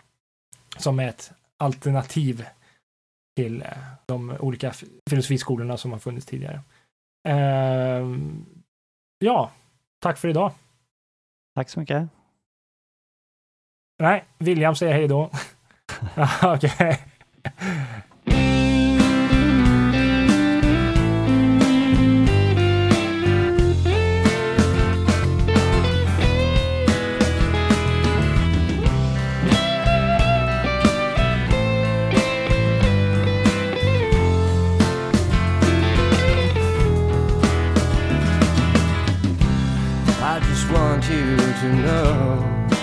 Just want you to see that everything's gonna be alright. And right now you're feeling down, nothing is going your way. Everything's gonna be okay. Don't mind the things they're saying, don't mind the looks they give you, don't mind the fear and the abuse. Don't mind the lies they're telling. Don't mind the hurt they're spreading. Cause one is all gonna change. All gonna change.